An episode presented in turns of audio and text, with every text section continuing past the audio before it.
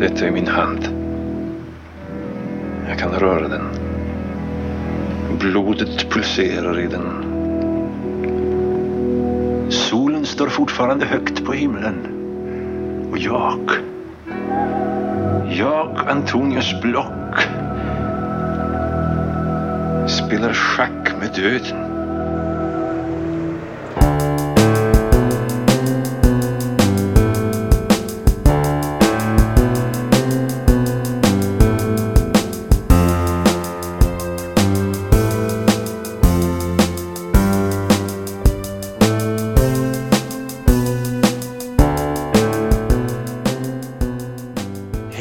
Och välkomna till Demonpodden.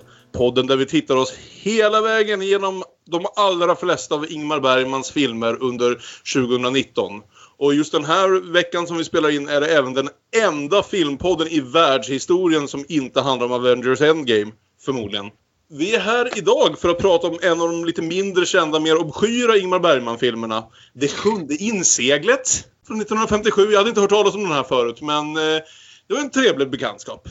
Skämt åsido, det är väl ändå någonstans den filmen som ni har hört om ni har lyssnat på de tidigare veckorna som kanske, om inte startade de flesta av våra förhållanden till Ingmar, i alla fall var en stor del i hur vi kom in på honom. Och med mig som alltid på ordinarie plats har jag ju Björn Waller Hej. och Aron Eriksson. Hej, hej.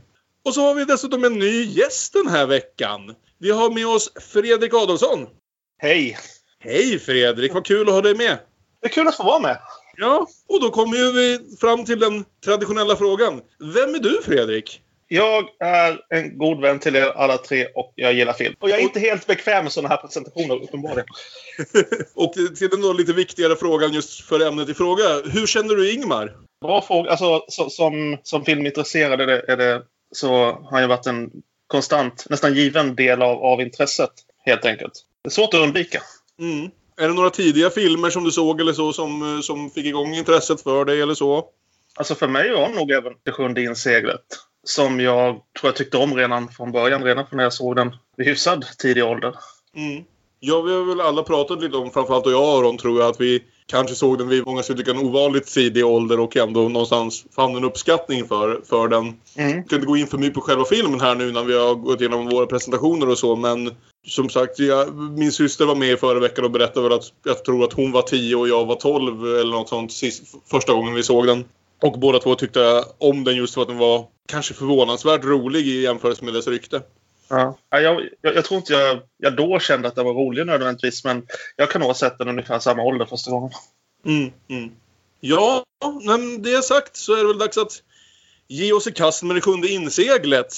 Jag kan väl börja med att läsa vad som är ett ovanligt kortfattat synopsis. Lite som förra veckan med Sommarnattens leende så är det lite som att synopsisförfattarna på eh, i Regi Bergman, boken som vi läser våra synopsis ur, har gett upp lite grann och någonstans bara skriver saker i stil med. Och sen händer en massa saker. Men synopsis denna vecka lyder i alla fall som följer. En riddare som tillsammans med sin väpnare återvänder från korståget möter döden som går med på att låta honom leva om han vinner ett parti schack. Mötet med bland andra ett ungt par ger perspektiv på tillvaron. Okej, tack författare! Vi kan också säga att vi nu har kommit så långt eh, i Regi Bergman-boken här som är, liksom, följer mig lite genom den här eh, titeln av alla Bergmans filmer att vi nu är inne i det de kallar del två. Magikern Bergman. Och då har vi alltså allting fram hittills varit lärlingen Bergman. Så nu anser i alla fall regi Bergman att vi är inne i ett nytt steg av Ingmars utveckling. Och det är väl i alla fall värt att diskutera om det är så. Därav då deras överentusiastiska synopsis där. Ja, jag antar det. ja, herregud.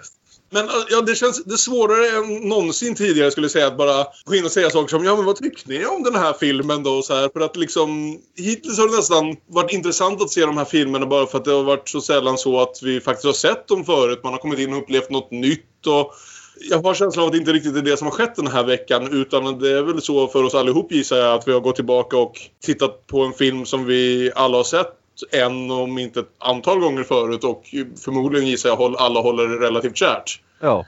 Ja. Ja. Jag Det är hade min inte sett den. älsklingsfilm i hela filmhistorien. Det är så?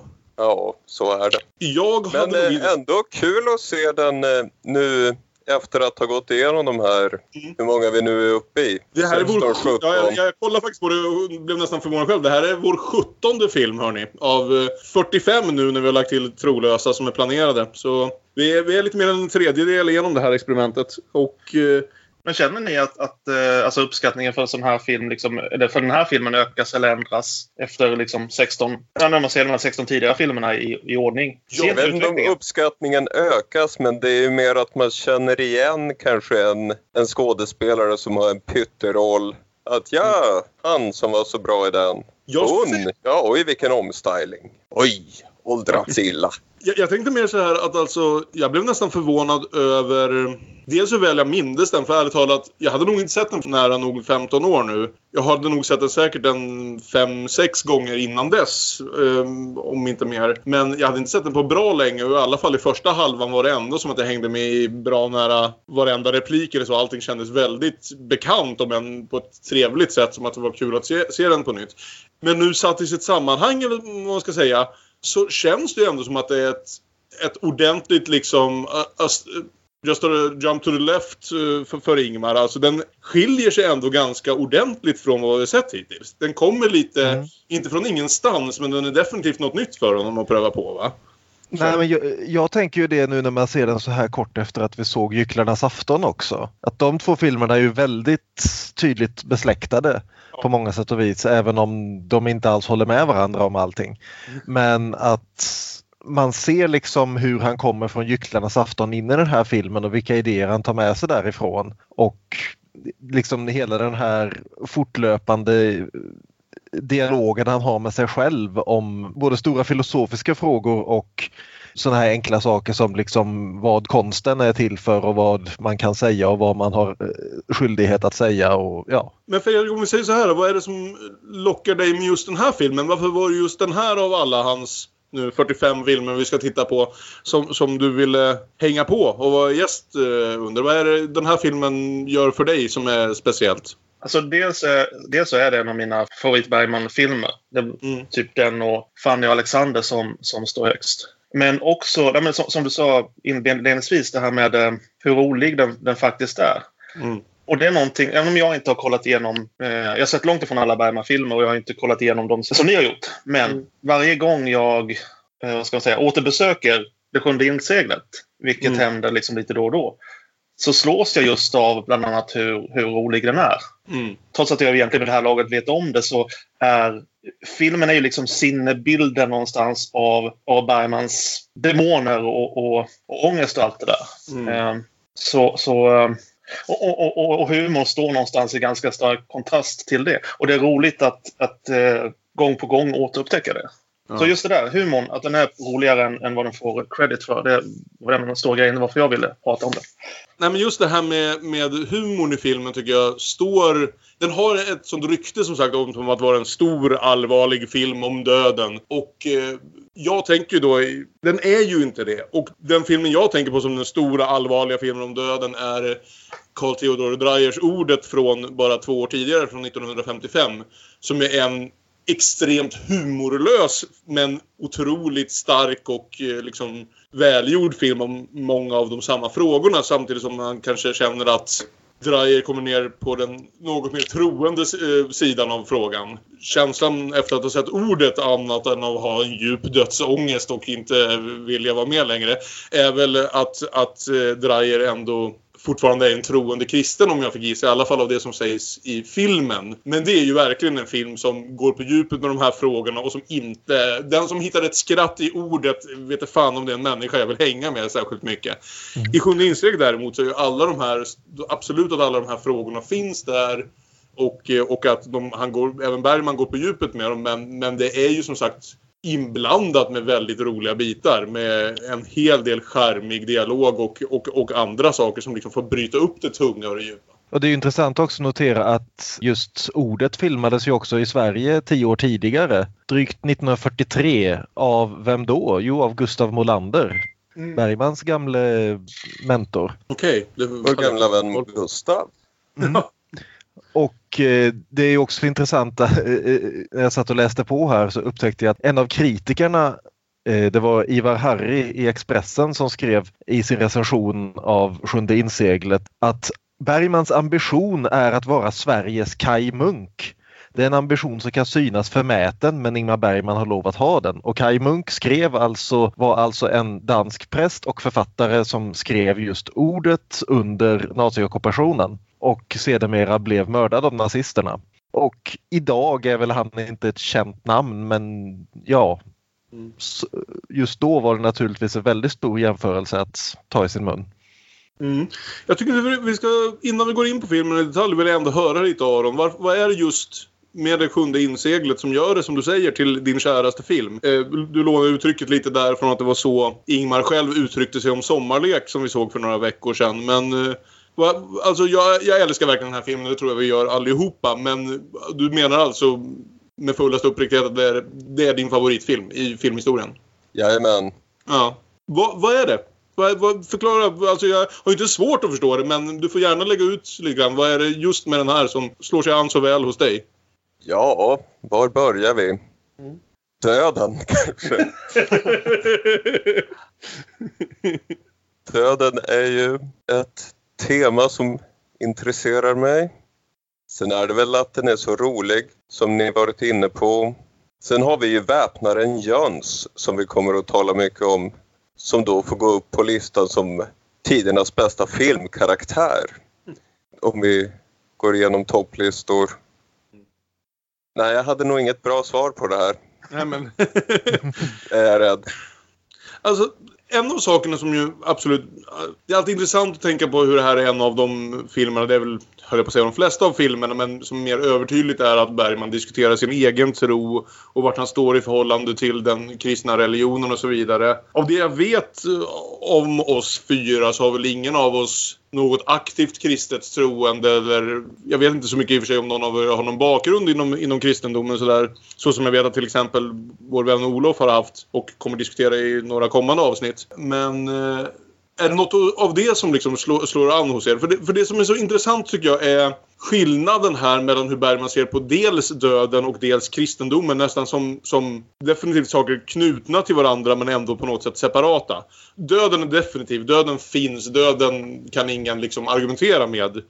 Huruvida han sen är en person som spelar schack eller inte. Medan kristendomen här är mer lite uppe i luften. Någonting som behöver diskuteras och som sagt som alla de stora frågorna i stort sett Mm. Ja, men kristendomens hela finess är väl att den eh, ger ett svar på, på frågan som döden ställer den inför. Mm. Och eh, kanske det enda svar som skulle göra situationen acceptabel. Mm. Och kan man inte tro på det så har man problem. Mm. Mm. När vi nu har följt Bergman under eh, vad är det, 16-17 filmer så är det ju en sak jag inte riktigt hade varit beredd på i de här tidiga filmerna är just den här liksom hur tidigt han har det här med auktoritetskritik.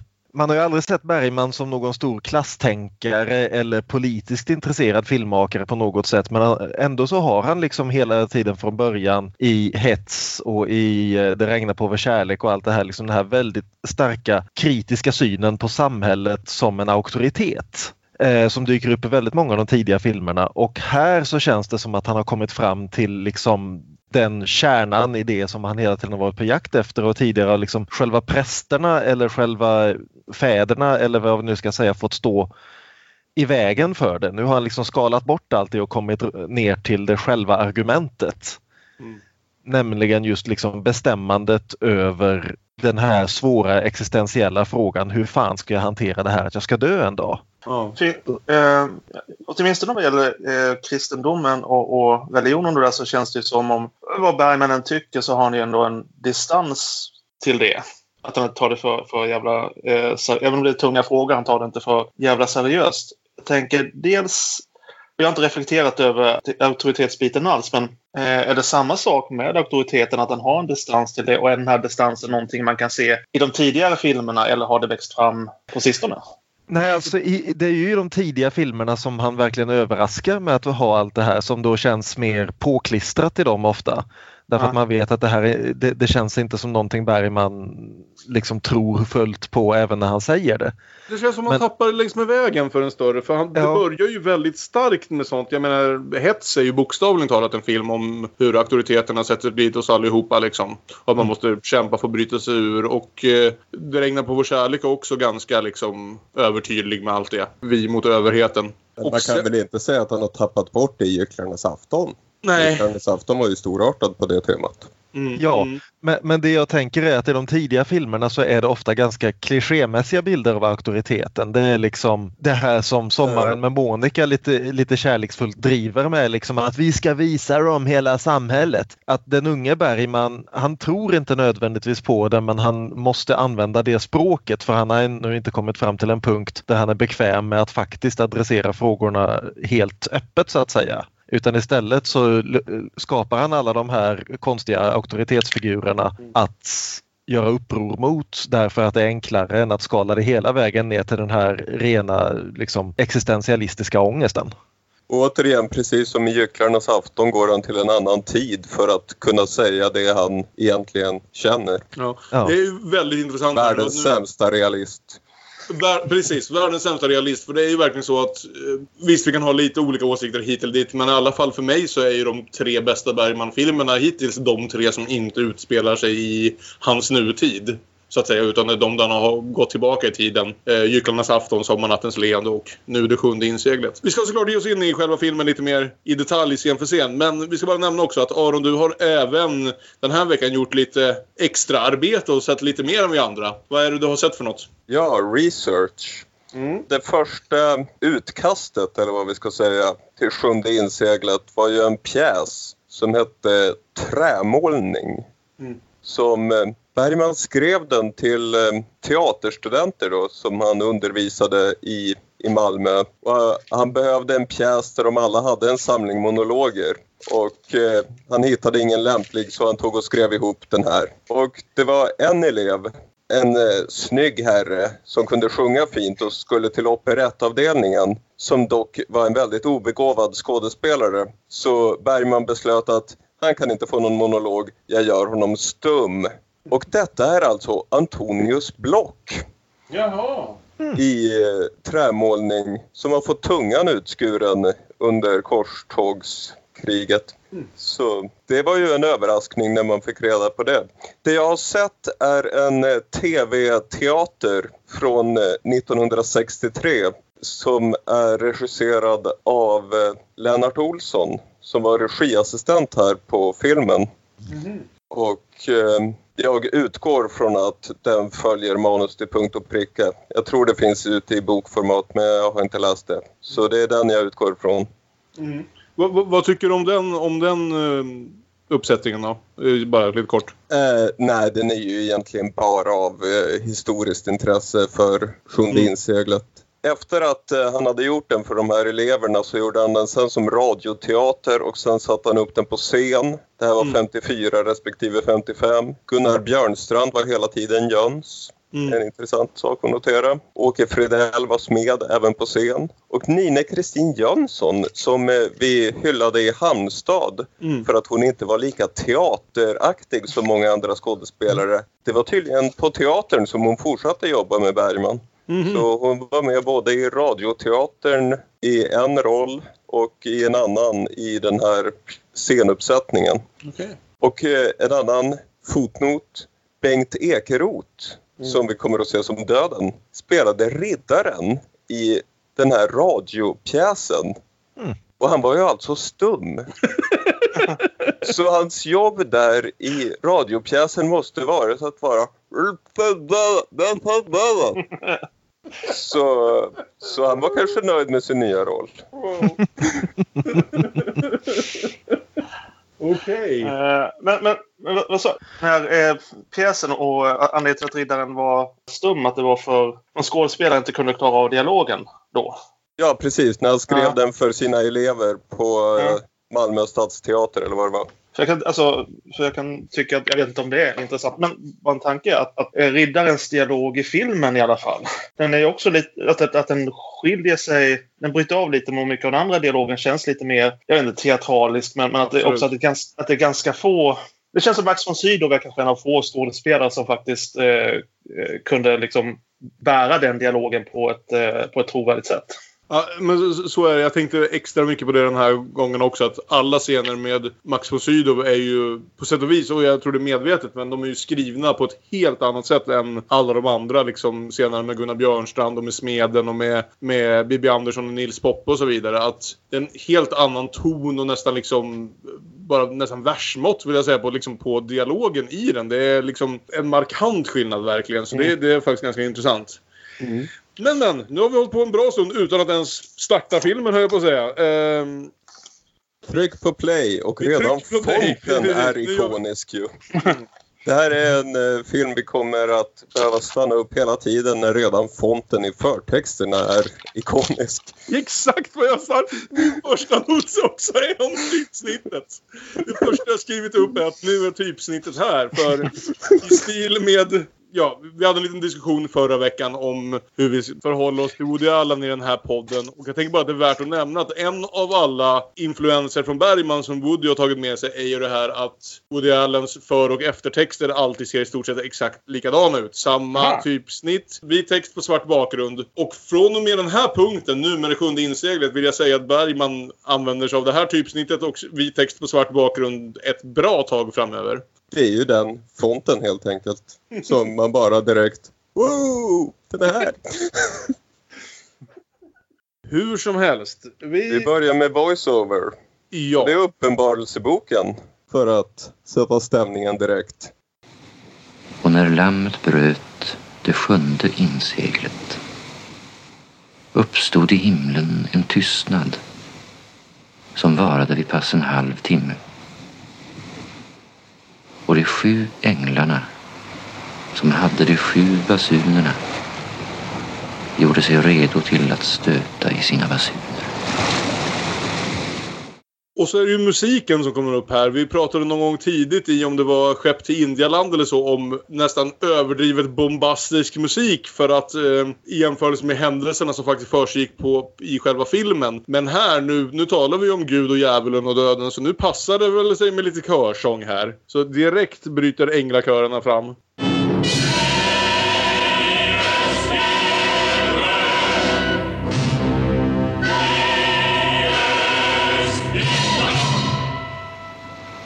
Halleluja. Och så befinner vi oss på stranden med vad som väl ändå måste vara den mest berömda scen som Ingmar Bergman någonsin filmade. För det är ju verkligen, man startar direkt här med det mest berömda ögonblicket. Ja, Ja. och här, det är ju på något vis väldigt... Det är ju inte bara det att vi flyttas väldigt tydligt bakåt i tiden. ligger en kille i regnbrynja på stranden där. Men det är ju också det här att han slår direkt fast att det här är inte en realistisk film. Nej. Det är en väldigt teatralisk öppning det här. Liksom, här ligger två människor liksom uppspolade på stranden. Mm. Vi ser inget spår av hur de har kommit hit. Utan det är liksom här, första akten, ridån går upp, två personer ligger på scenen. Mm. Och det, det finns inget logiskt skäl till att de ska ligga här på stenarna, men det gör de. Mm. Och De det har... höga vågskvalpet, ljudet från vågorna, tystas bort och vi ser en gestalt i svart. Vem kan han vara undrar vi? Vem är du? Jag är döden. Kommer du för att hämta mig? Jag har redan länge gått vid din sida. Det vet jag. Är du beredd? Min kropp är rädd. Inte jag själv.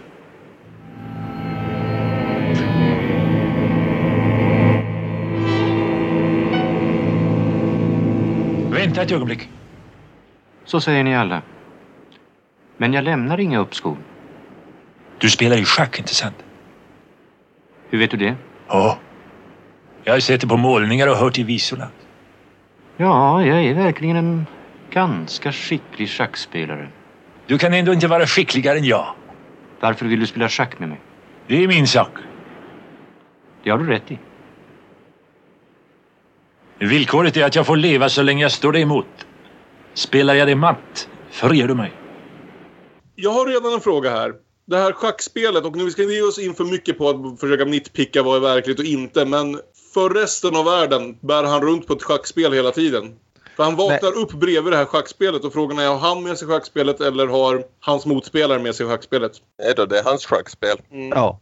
Men däremot så tror jag inte att om någon annan tittade på honom så tror jag inte de skulle se wow, där ligger en kille bredvid ett schackspel. Nej. Han har bevisligen schackspelet med sig för senare i filmen så ser ju eh, Joff honom sitta, med, eh, både Joff och Maria ser att han sitter vid schack, schackspelet. Men jag tror inte han liksom har ställt upp det färdigt och klart här. Nej.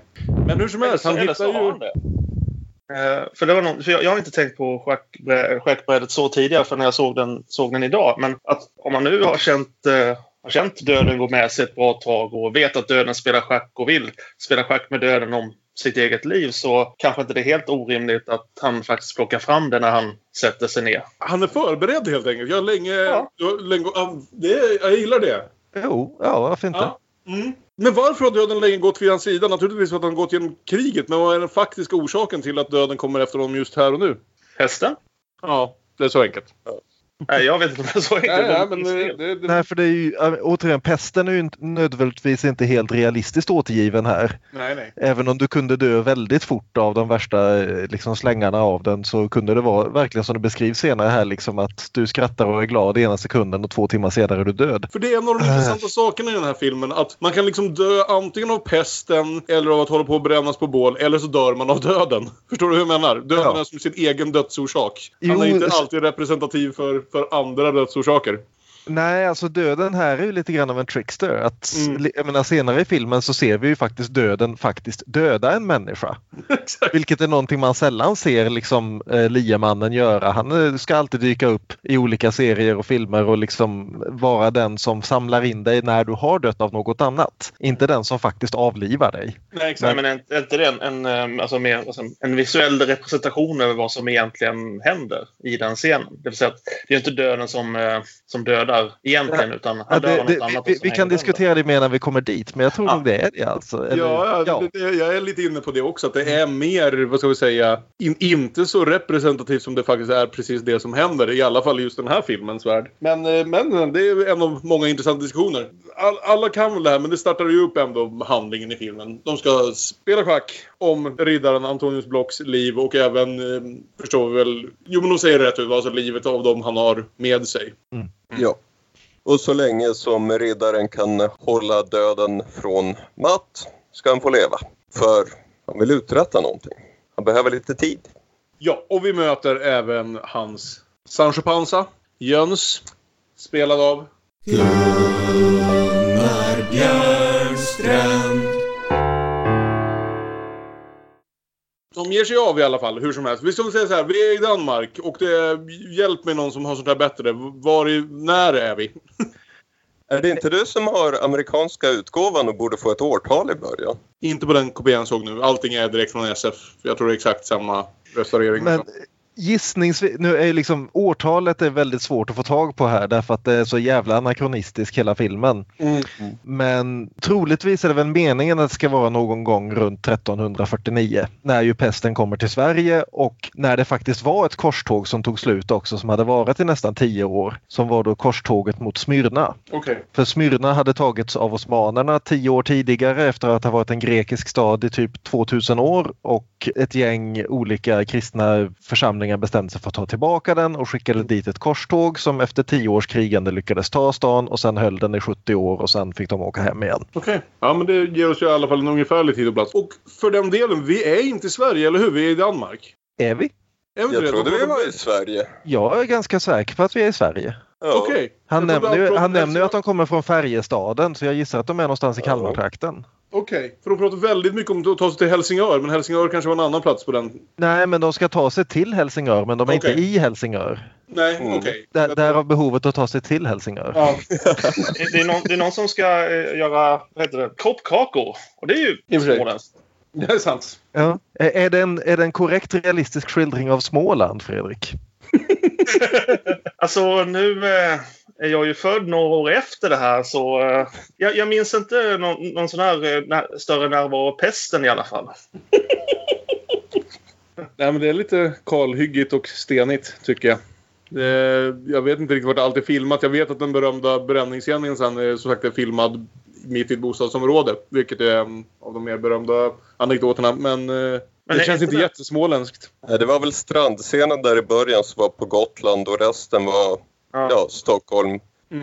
Jöns vaknar. Vi märker direkt att han inte riktigt eh, ser allting öga till öga med, med, med sin riddare. Eh, han räcker ut tungan åt honom det första han gör och man märker att de har lite, helt enkelt lite olika synsätt på saker och ting här i livet. Som sagt, vi har redan nämnt tidigare att de i det närmaste har olika typer av dialog bara i hur de uttrycker sig. Och eh, vi får ju direkt känslan av Max von Sydows riddare Antonius Block som en väldigt seriös man, eh, vilket man väl kanske är när man diskuterar med döden. Men, men han fortsätter ju även att ha, ha den här tonen eh, filmen igenom medan Jöns väl har en helt annan ton och helt annat synsätt som vi märker när han börjar sjunga när de ger sig iväg längs med vägarna. Men det känns också som att de kommer väldigt bra överens. En ömsesidig respekt. Riddare och väpnare emellan. De har hittat något som funkar för dem. Ja, exakt. Det är väl inte liksom... Jag får inte känslan av att de är de käraste av vänner så, men det är, det, det är ett fungerande förhållande i alla fall. Men de ger sig av. Det är ju något av en road movie där de ska rida land och rike kring. Eller ja, en liten bit. Och eh, som många filmer av Bergmans senaste så äger den rum under en dag. Ja. Att Det, det är tydligen någonting han tycker är lite festligt. Men de är ute och rider. Jöns sjunger och rapporterar om olika tecken på undergång som det snackas om runt om i landet. De döda har åkt ut ur sina gravar och ligger utspridda på marken. Och vi hör senare om en kvinna har fött ett kalvhuvud, eller hur det nu var. Det är lite dålig stämning. Folk har ingen framtidstro. Nej, Och i en väldigt känd scen så stannar de till och Jöns frågar om vägen från en som sitter och sover där bredvid. Och han sover ju den stora sömnen för det visar sig vara ju bara ett skelett när Jöns ska få vägvisning. Inte ens ett skelett utan en halvrutten kropp. Så ja, Ännu bättre. jättetrevligt. Och, eh, och vi får upptäcka direkt vilken sorts människa Jöns är också när han ska berätta för sin herre då om den här typen. Va- Och vad han fick för information av den här människan de frågade. Visa den vägen. Inte precis. Vad sa han? Ingenting just. Var han stum? Nej, det kan man inte säga.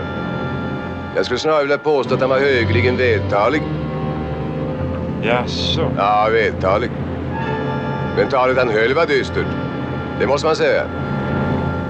Ja, nej, saker kryper sig på våra, våra hjältar här. Och det är väl här någonstans som vi presenteras för lite fler av våra huvudroller. För den här filmen är ju ändå lite av en ensemble får man väl säga. Det är inte kommer inte bara att handla om, om riddaren och hans väpnare utan även om, om ett gäng andra människor. Och de första vi träffar här är Joff och Mia. Som ligger i och sover i en vagn väldigt liknande den som, som vad heter Åke Grönberg och Harriet Andersson åkte runt i, i Gycklarnas afton. Och eh, Joff spelas av Nils Poppe i, är det hans enda Bergman-roll? Förutom att han dök upp som sig själv höll jag på att säga i, i fängelse. Halmstad. Halmstad, förlåt mig. Nej, har han inte någon, någon stor roll i någon senare film i alla fall? Han är med i Djävulens öga. Just det. Ja, då så. Ja, det Ja, kul. Då är det inte sista gången vi ser Nils Poppe i de här sammanhangen. Trevligt, trevligt. Men det större Bergman-skådismäst här i alla fall är ju att vi får vår första rejäla roll för Bibi Andersson som vi har pratat om här i några veckor. Som dök upp så kortfattat att man kunde missa henne helt och hållet i Sommarnattens leende och i några av hans reklamer. Men eh, nu har hon en roll där hon får prata och synas och allt möjligt. Ja, Eh, och vi kan ju nämna också att vi har ju debuten av en annan liten birollskådis som dyker upp i ett par Bergman-filmer som heter Max von Sydow. Just det. Så på så vis så är det, det är ju en, ja. Ett Eh, nytt gäng Bergman-skådisar på väg in ja, här. Även, precis. även, även Gun- Gunnel Lindblom som kommer in lite senare kommer vi se gång på gång de här kommande filmerna. ja, och vi har ju också en roll, lite överraskande kanske, för Inga Gill. Mest känd för vår generation från Gäster med gester och sådana saker. Lite i stil med hur vad heter det, Yvonne Lombard var med här i veckan och alla, alla vi bara kände igen henne från Rapport till himlen och Rederiet. Mm, Men, men- men- ja, hur som helst. Eh, Vi, vi får ju träffa då Joff och Maria spelade av Bibi och Nils. Här känns det ju verkligen som att det är en ren liksom vidareutveckling från Gycklarnas eh, afton. Att det, det är precis som öppningsscenen i Gycklarnas afton. Vakna i den här trailern och ut och sträcka på benen. Men det är en helt annan stämning här. Vi etablerar direkt att det här är filmens liksom goda människor. Det här är det känslomässiga centrumet i filmen. Om riddaren och hans väpnare ska vara det intellektuella argumentet så är det här det känslomässiga argumentet. Sen kan vi väl säga också att med tanke på att, att eh, det är en film om kristendomen och dess paralleller så att namnen Joff och Mia kanske inte direkt är de mest... Nej. Och, Som och har sin lilla son som ska fixa mirakel. Och Ja. Joff, det första vi ser honom göra är att ha en syn där han ser jungfrun. Ja. Ja, och återigen så vi, vi nämnde inte det när vi pratade om det här bibelcitatet i början men han stryker ju under det här att även han när, när han ser jungfru Maria och sen när hon sen försvinner så blir det alldeles tyst både på himmelen och på jorden. Mm. Och det här med himlens tystnad är något som Bergman kommer att återkomma till väldigt många gånger men just att det slås fast så här i början av filmen liksom två gånger på tio minuter. Kanske inte ett av filmens subtilaste ögonblick men ja.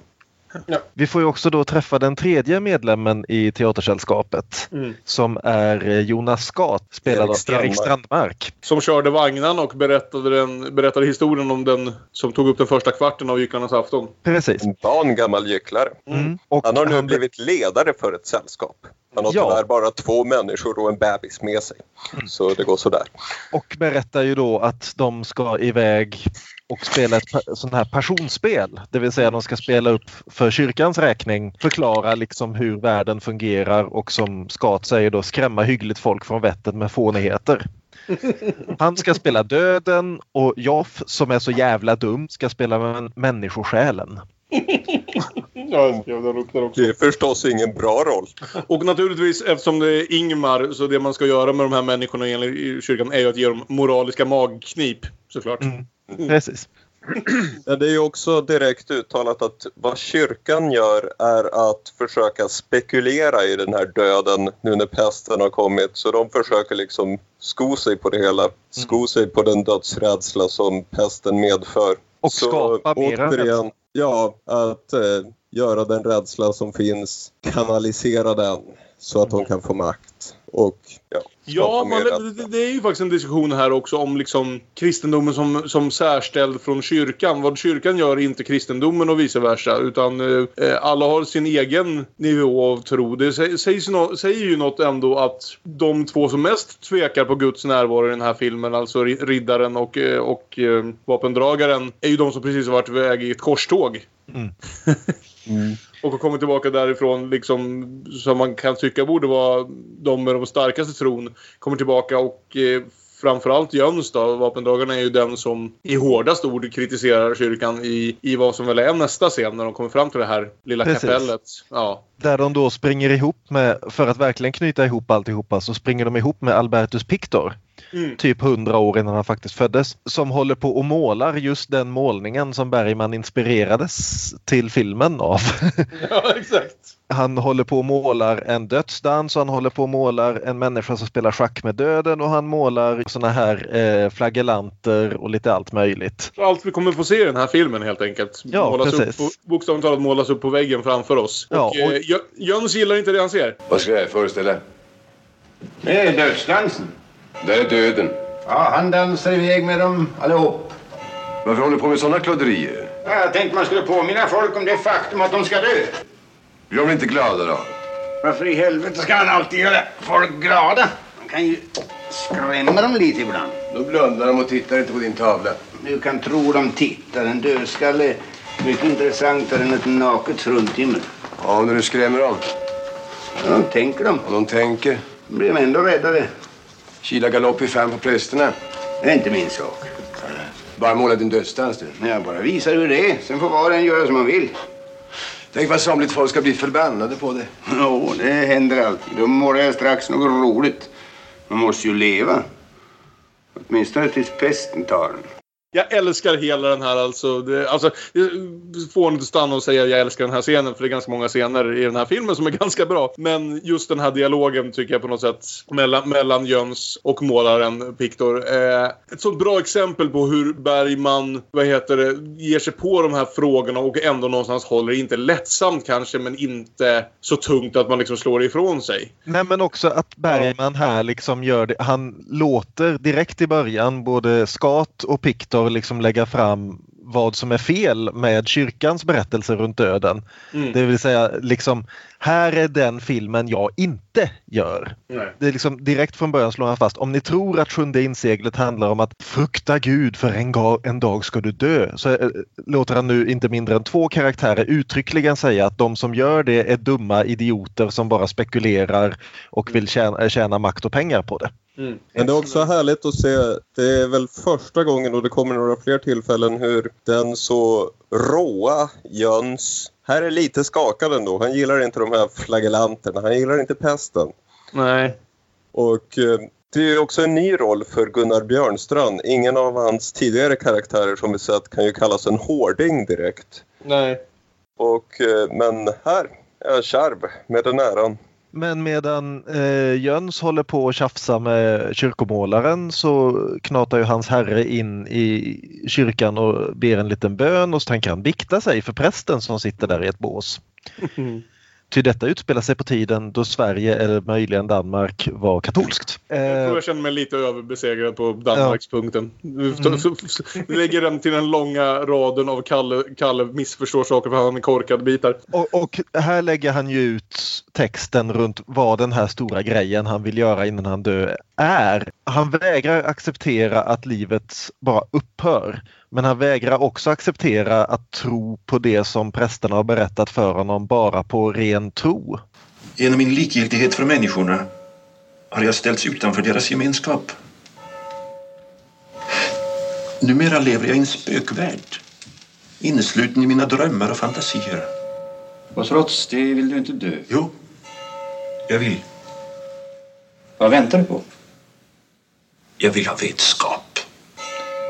Du vill ha garanti? Kalla det vad du vill.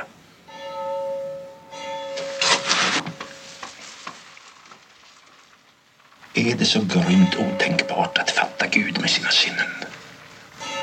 Varför ska han gömma sig i en dunstkrets av halvuttalade löften och osedda under? Hur ska vi kunna tro på de troende när vi inte tror själva? Vad blir det av oss som vill tro men inte kan? Och vad blir det av dem som varken vill eller kan tro? Varför kan jag inte döda Gud inom mig? Varför lever han vidare inom mig på ett smärtsamt och förebyggande sätt trots att jag förbannar honom och vill vräka ut honom ur mitt hjärta? Varför är han trots allt en jäckande verklighet som jag inte kan bli kvitt? Hör du mig? Jag hör dig. Jag vill ha vetskap. Inte tro, inte antaganden, utan vetskap. Jag kommer bokstavligt talat ihåg att det här är första gången jag såg en film. Som sagt, jag, jag gissar att jag var 12 när jag såg den här första gången. Jag satt och bara tänkte, men det här är något annat. Alltså från att ha kommit från då liksom några års filmtittande av mycket Hollywood, mycket actionfilm, mycket liksom sånt där. Att det var första gången det liksom klickade för mig att man kunde göra film på det här sättet. Man kunde diskutera de här frågorna och på något sätt säga något på det här sättet. Jag kommer ihåg just den här scenen väldigt starkt som att någonting klickade till i huvudet på 12-åriga Kalle Färm när jag hörde den här diskussionen. Och insåg att det inte bara liksom var babbel och nonsens och det jag ville hoppa förbi för att komma till de roligare bitarna. Utan jag hängde med. Jag förstod vad han försökte få sagt. Och eh, det är, så just den här scenen är jävligt viktig för mig. I Mm. liksom bara min utveckling som, som filmtittare helt enkelt. Det var verkligen som något som vreds ett halvt varv i huvudet på mig när jag såg den här första gången. Så han kan inte acceptera att blint tro på Gud. Han vill fatta Gud med sina sinnen. Mm. Alternativt så vill han döda guden, Gud inom sig. Men det lyckas han inte heller med. Han kommer inte ifrån de här grubblerierna. Mm. För eh, något svar måste man ju ha på dödsfrågan. Precis, Och, eh, annars, annars är levandet en orimlig fasa. Precis, precis som det har sagts i ett antal Bergman-filmer redan. Att Och- finns det ingen mening så måste man hitta på en för annars är det orimligt. Och jag vill säga att ungefär det du uttryckte för dig själv i fängelseavsnittet var så. Ja, det är ungefär min position också. Eh, Jag tänkte levandet är en orimlig fasa. Det är väl också så som vissa av oss närvarande känner idag efter gårdagen. Två av fyra deltagare i den här podcasten är ganska bakis just nu. Ni får själva gissa vilka. Eh, Men hur som helst så visade sig ju nu plötsligt att prästen vänder sitt ansikte till honom. för att fortsätta på det kristna temat och det är ju döden som sitter där. Och detta Fucking dessutom döden. just efter att Block då har avslöjat hur han ska besegra honom i schack. Och frågan inställer sig, är döden en så medelmåttig schackspelare att han inte skulle ha upptäckt det där själv? Ja, eller hur? Jag försökte göra något försök att hänga med i faktiska schackpartiet den här gången, men det är ganska svårt. Det är, ganska, det är lite för få scener och lite för få drag vi faktiskt ser. Det finns gott om analyser av det där schackspelet Ja. på nätet och jag har läst några stycken. Eh, Det alla verkar vara överens om är att antingen så vet Bergman ingenting om schack eller så sket han bara i det. Mm. Det finns ett antal fel i det. Dels att moderna schackspelet fanns överhuvudtaget inte 1349 utan det kom ungefär 100 år senare. Det har funnits schackspel långt tidigare men det, liksom, det standardiserade schackspelet är från 1400-talet. Men sen också sådana här saker som att själva schackbrädet flyttar på sig så att den vita rutan ibland är nere till höger och ibland nere till vänster. Att det blir fler och fler pjäser på brädet ju längre filmen pågår. Och att slutpositionen kanske faktiskt inte ens är en mattsituation utan att man skulle kunna tolka det som att döden bara hittar på att ja, du är matt om ett drag. Men för att bara knyta ihop den här diskussionen så tycker jag det är intressant just med tanke på allt den här diskussionen han har haft innan som jag nämnde förut just det här liksom hur klåpare skräms med döden. Mm. Att det som Block lyfter fram här att det är inte döden som sådan som skrämmer honom utan det är livet utan döden eller liv, livet innan döden som är så skrämmande ifall det inte har någon mening. Mm. Ja, Han bryr sig inte om att han ska dö, men han vill göra en meningsfull akt innan hans tid är ute. Och just ordet meningsfull är ju väldigt väl valt där. Mm. Jo, det är ju egentligen inte det här med himlen som är det intressanta med kristendom. Det är ju nåden, att man kan bli förlåten för vem man är. Exakt.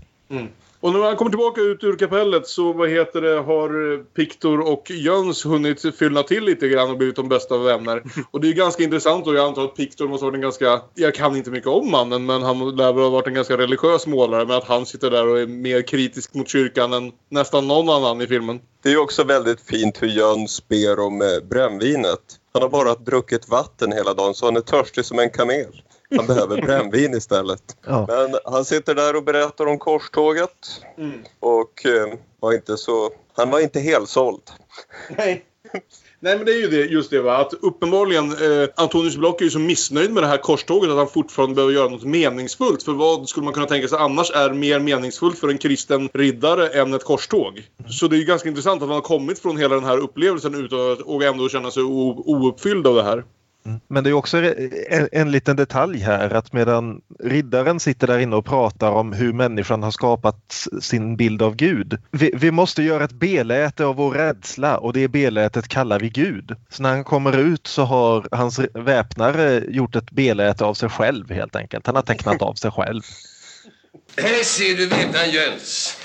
Han flinar åt döden, flabbar åt Herren, skrattar åt sig själv och ler mot flickorna. Hans värld är en Jönsvärld. Trovärdig för ingen utom för honom själv.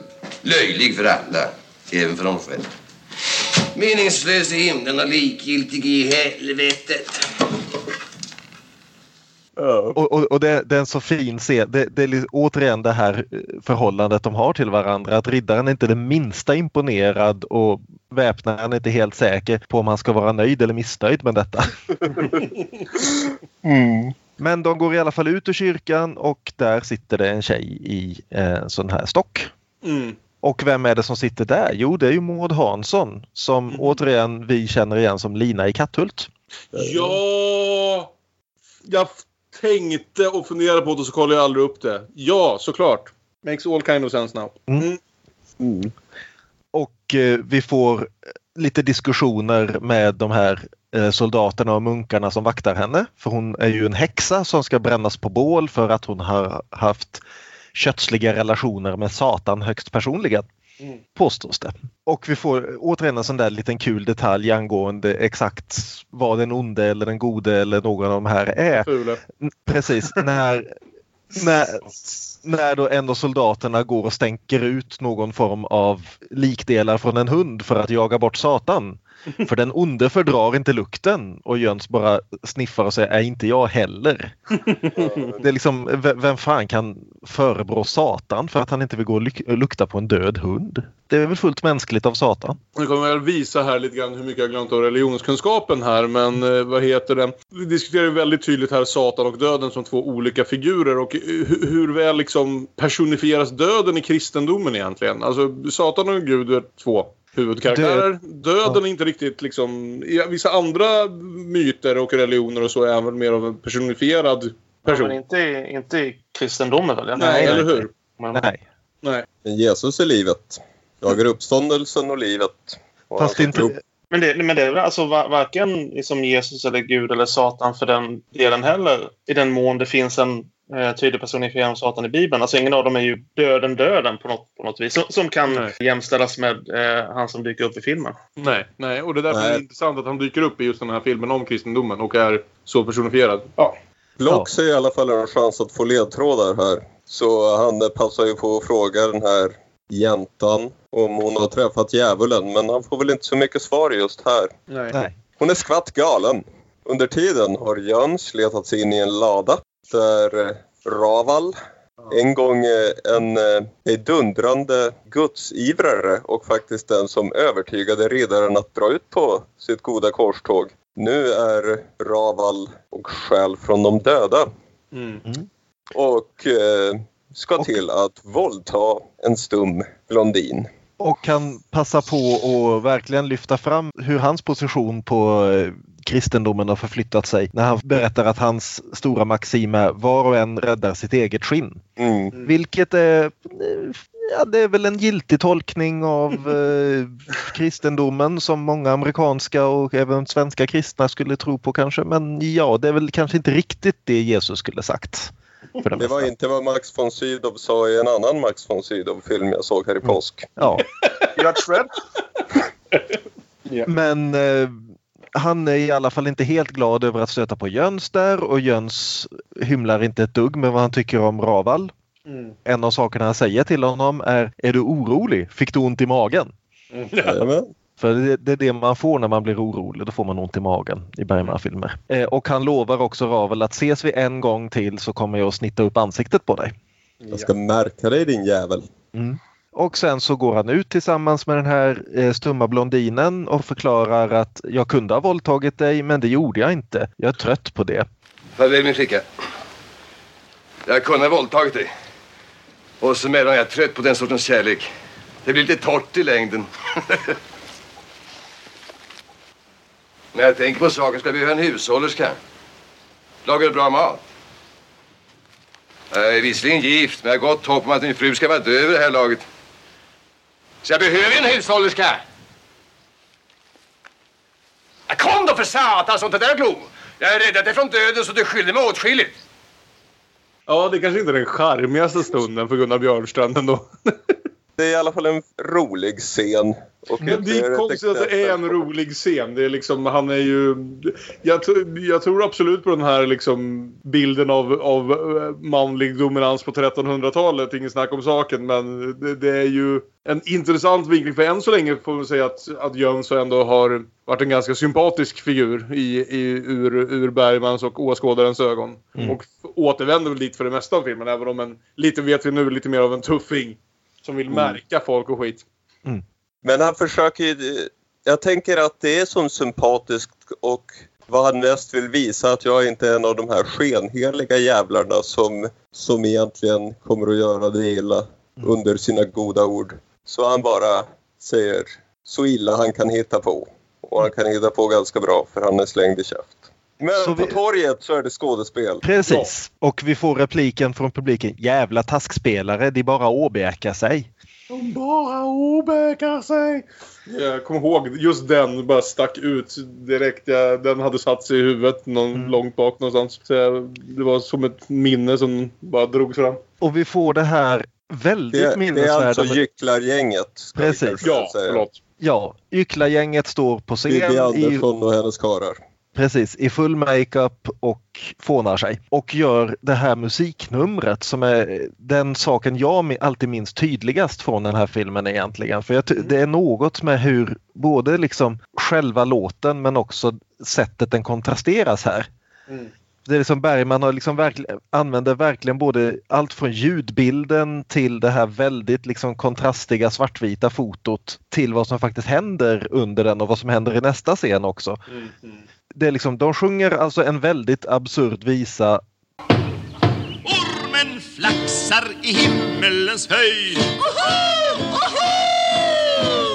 Jungfrun är blek men musen nöjd. Den svarte ränner på stranden. Och hela tiden återkommer till omkvädet att den svarte väntar på stranden eller den svarte hukar på stranden. Det vill säga mm. döden finns där alltid medan de håller på och fånar sig. Mm. Och samtidigt ska vi säga att mycket av det här ligger över bilderna av där den tredje skådespelaren, nu tappar jag namnet på honom men... Eh, Erik Strandmark, eh, Jonas Scott. Ja, att han eh, blir, ska vi säga, förförd av Inga Gill som vi inte riktigt vet vem hon är än. Men han går av scen, låter Bibi och Nils Poppe sjunga låten medan han blir förförd. Och eh, precis, jag plockade inte upp allt av texten men eh, fnissade lite åt att precis samtidigt som de ger sig in i busken mer ordentligt och man gissar mm. vad som kommer för sig gå så sjunger Nils Poppe och Bibi textraden Jungfrun är vek men musen är nöjd. Mm. Och det är absolut ingen olyckshändelse att just det ordet används där. Men eh, medeltida visor är väldigt, väldigt fula i mun. Men just det här liksom att det här filmas då i en film om religion så det här väldigt det är nästan så att den här visan handlar om absurditeten i det vi gör medan vi väntar på döden. Och att det då sen då följs av att direkt när de står där och sjunger så plötsligt så tågar ett sån här gäng flagellanter in på torget och tar över scenen. Och Anders Ek som spelade, som vi senast såg som clownen i Gycklarnas afton mm kliver då upp som munk och håller ett sån här riktigt svavel och helvetetal om att ni alla ska dö och vänd er till Kristus innan det är för sent och bla bla bla bla bla. Dömda! Dömda! Dömda! Precis. Och här är det ju liksom det, det som händer i den här scenen när du liksom har kontrasten mellan de här sympatiska, hårt sminkade skådespelarna och den här då avsminkade clownen Anders Ek Mm. Och på något vis så han är den som försöker vara på allvar och på något vis är det han som framstår som clownen i det här. Därför mm. att vi har redan liksom lärt känna dem så pass så att de gör det här på allvar och de gör det över en sexscen dessutom. Det, det, det är, är ju väldigt charmigt hur han gillar ju sina små filmer i filmer har vi märkt. Ja. Han lägger in en liten stumfilmsbuskis. Ja, precis. Över den Men... här ja, döden väntar på stranden. Ja, men just det här att det är mer meningsfullt att skratta och knulla innan man dör än det är att vänta på Kristus. Mm. Det är väl ungefär det scenen säger. Det är en riktig paganistfilm det här. Mm, precis. Alltså, just det här också när de kommer in, eh, flaggelanterna flagellanterna här. Jag var tvungen att äntligen kolla upp det här för det är något som har dykt upp nu. Jag vill säga i alla fall i en tidigare Bergman och i många andra filmer vad det är den här, det här de sjunger när de kommer in. in innan Anders Ek håller sitt domedagstal.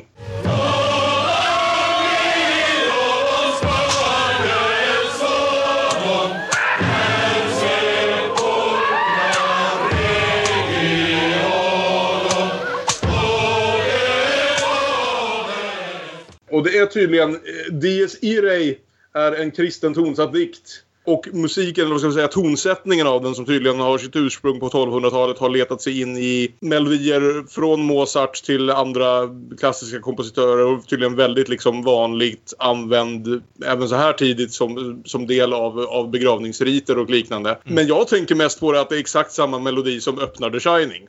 Ja, det är Ja. Mm. Så, och jag vill säga att den har förekommit i någon av de tidigare filmerna vi redan har sett också. Men jag var bara glad att jag äntligen fick tillfälle att leta upp vad det faktiskt är för något det här, det här stycket, just den här melodin. Mm.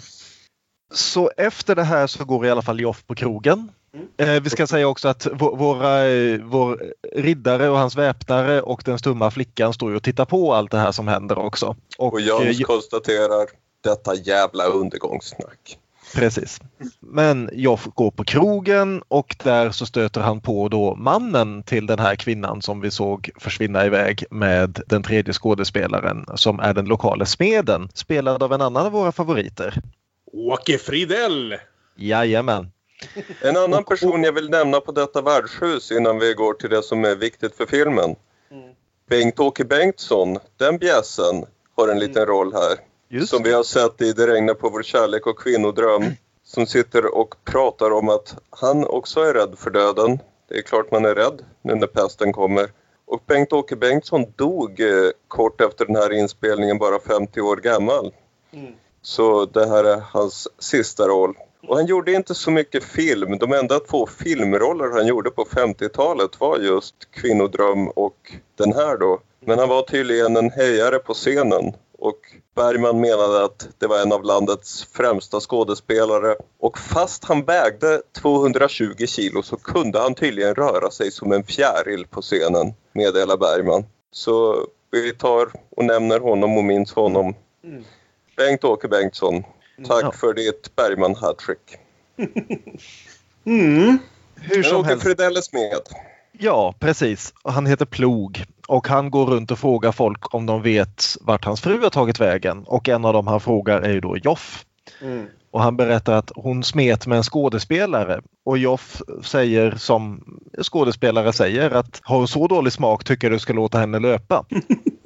Men det kryper ju då hur som helst fram när Raval dyker upp också och börjar haka på här för här märker han att här är det våld på gång och då vill jag vara med. Ja, han är också uppenbarligen lite skärrad efter sitt tidigare möte med Jöns för han upprepar hans ord. Precis. Eh, vi skulle kanske märka dig med kniven direkt när han märker att han får chansen att eh, han vill... Han han är lite någon- upprörd. Han vill få ut den här jävla aggressionen på någon annan nu. Den som han behövde själv ta emot några timmar tidigare. Precis. Och eh, då ska vi komma åt också, komma ihåg att på den här tiden gällde ju då, jag gissar att om de är, nu är i Småland så var det väl Smålandslagen som gällde. Men de här medeltida lagarna har ju inte mycket gott att säga om gycklare och lekare. Mm. Västgötalagen säger till exempel Varder lekare slagen ska det alltid vara ogilt. Det vill säga det kan inte bestraffas. Du får klippa till en skådespelare och han har inga som helst lagliga grunder att tala emot det. Var det lekare sårad? En som går med giga eller fiol eller trumma? Då ska man taga en otam kviga och föra upp på bäsing. Sen ska man raka av halvt håret av hennes svans och sedan smörja den. Så ska man skaffa honom nysmorda skor. Sedan ska lekaren taga kvigan om svansen. Någon ska slå till henne med en skarp piska. Lyckas han då hålla henne, då äger han det goda djuret och njuter det som en hund njuter gräs. Kan han ej hålla henne taga och tåla det, han fått skam och skada och begära aldrig mer rätt än en hudstruken trällinna. Så med andra ord, ja, de har all laglig rätt och som de själva verkar tycka all moralisk rätt att helt enkelt göra precis vad de vill med Joff här. Mm. Ingen kommer att hindra dem. Och nu, mer än någon annanstans, så är vi ju tillbaka i Gycklarnas afton igen. Hela temat Ja. Gycklarnas afton var ju hur, hur folket runt om Gycklarna njöt mer av deras förnedring än de konster de faktiskt gjorde frivilligt. Mm. Och här tvingas Joff upp på bordet för att imitera en björn och göra en dans. eh, Och hotas med våld och eld. Ja, och, och det är ju så intressant att även det här bordet som för fem minuter med Bengt-Åke Bengtsson och så, som för fem minuter sedan satt och oroade sig för döden, tar minsann tid ur sin dödsångest för att skratta lite åt plågandet av den här skådespelaren. Och eh, ja, alltså hur... Ja, det är en stämningshöjare. Ja, eller hur? Hur nära en kommer döden kan man i alla fall skratta lite åt att jävla, åt jävlas med de som har det sämre ställt. Och, äh, vi förtjänar att ta med fan och dö allihop kände jag lite grann. Mm. Men med, eh, bäst de håller på att plåga livet ur stackars Joff så vem kommer in genom dörren? Jo, det är ju Jöns. Och Jöns upptäcker då den här personen som han några minuter tidigare hade lovat att märka. Och då gör han det. Ja, en man av sitt ord. Samtidigt! Medan allt det här händer så sitter ju Block och Mia av en slump nere på stranden bägge två. Hon sitter och leker med sin lille son och han sitter mest och tänker på döden. Och de kommer att prata med varandra. Och här kommer det in i en enormt fin scen. En lång scen. Som då är att i takt med att de andra återvänder och liksom skapar ett litet gäng här nu liksom. Så börjar de prata om inte om döden utan om livet. Mm. Och Mia har varit iväg och plockat smultron och de har nymjölkad mjölk. Och de sitter där och äter och dricker och pratar och det är en så oerhört charmig scen. Mm. Och att, att den kommer efter allt, det, efter allt det här tunga snacket så får då Bibi Andersson den här fina repliken när hon lutar sig tillbaka i solsken och säger Åh vad det är skönt och Block muttrar ja en liten stund i alla fall. Nej säger hon, nästan jämt. Mm. Ja, det är ju den enda ljusa stunden skulle vi säga för uh, riddare von, von Sydow i, i hela den här filmen. Det är enda gången han lättar upp, får le lite grann, som sagt känna vad det är livet ändå kan innebära. För han går ju omkring med den här dödsångesten av förklarliga skäl på sina axlar hela, hela filmen annars. Det här är en, en annan sida av honom som, och enda gången vi ser den egentligen. Och det är ju också här han förmodligen börjar inse vad, vad det här den betydelsefulla akten som ska ge honom en mening med livet innan han förlorar livet kommer vara för något. Och visste han det inte redan så får, ju- ger ju döden honom när de då träffas några minuter senare och ska fortsätta sitt schackspel. Mm. Och han är på så väldigt gott humör så döden blir förbannad och bestämmer sig Mm. för att ta ner honom några pinnhål. Mm. Och Han säger att eh, bli lite ledsen nu annars äter jag upp dina nya gycklarkompisar.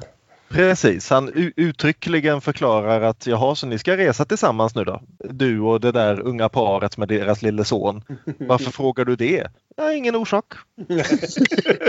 och, och ingen orsak är liksom en rimlig förklaring om han hade varit rörmokare. Men nu är han döden.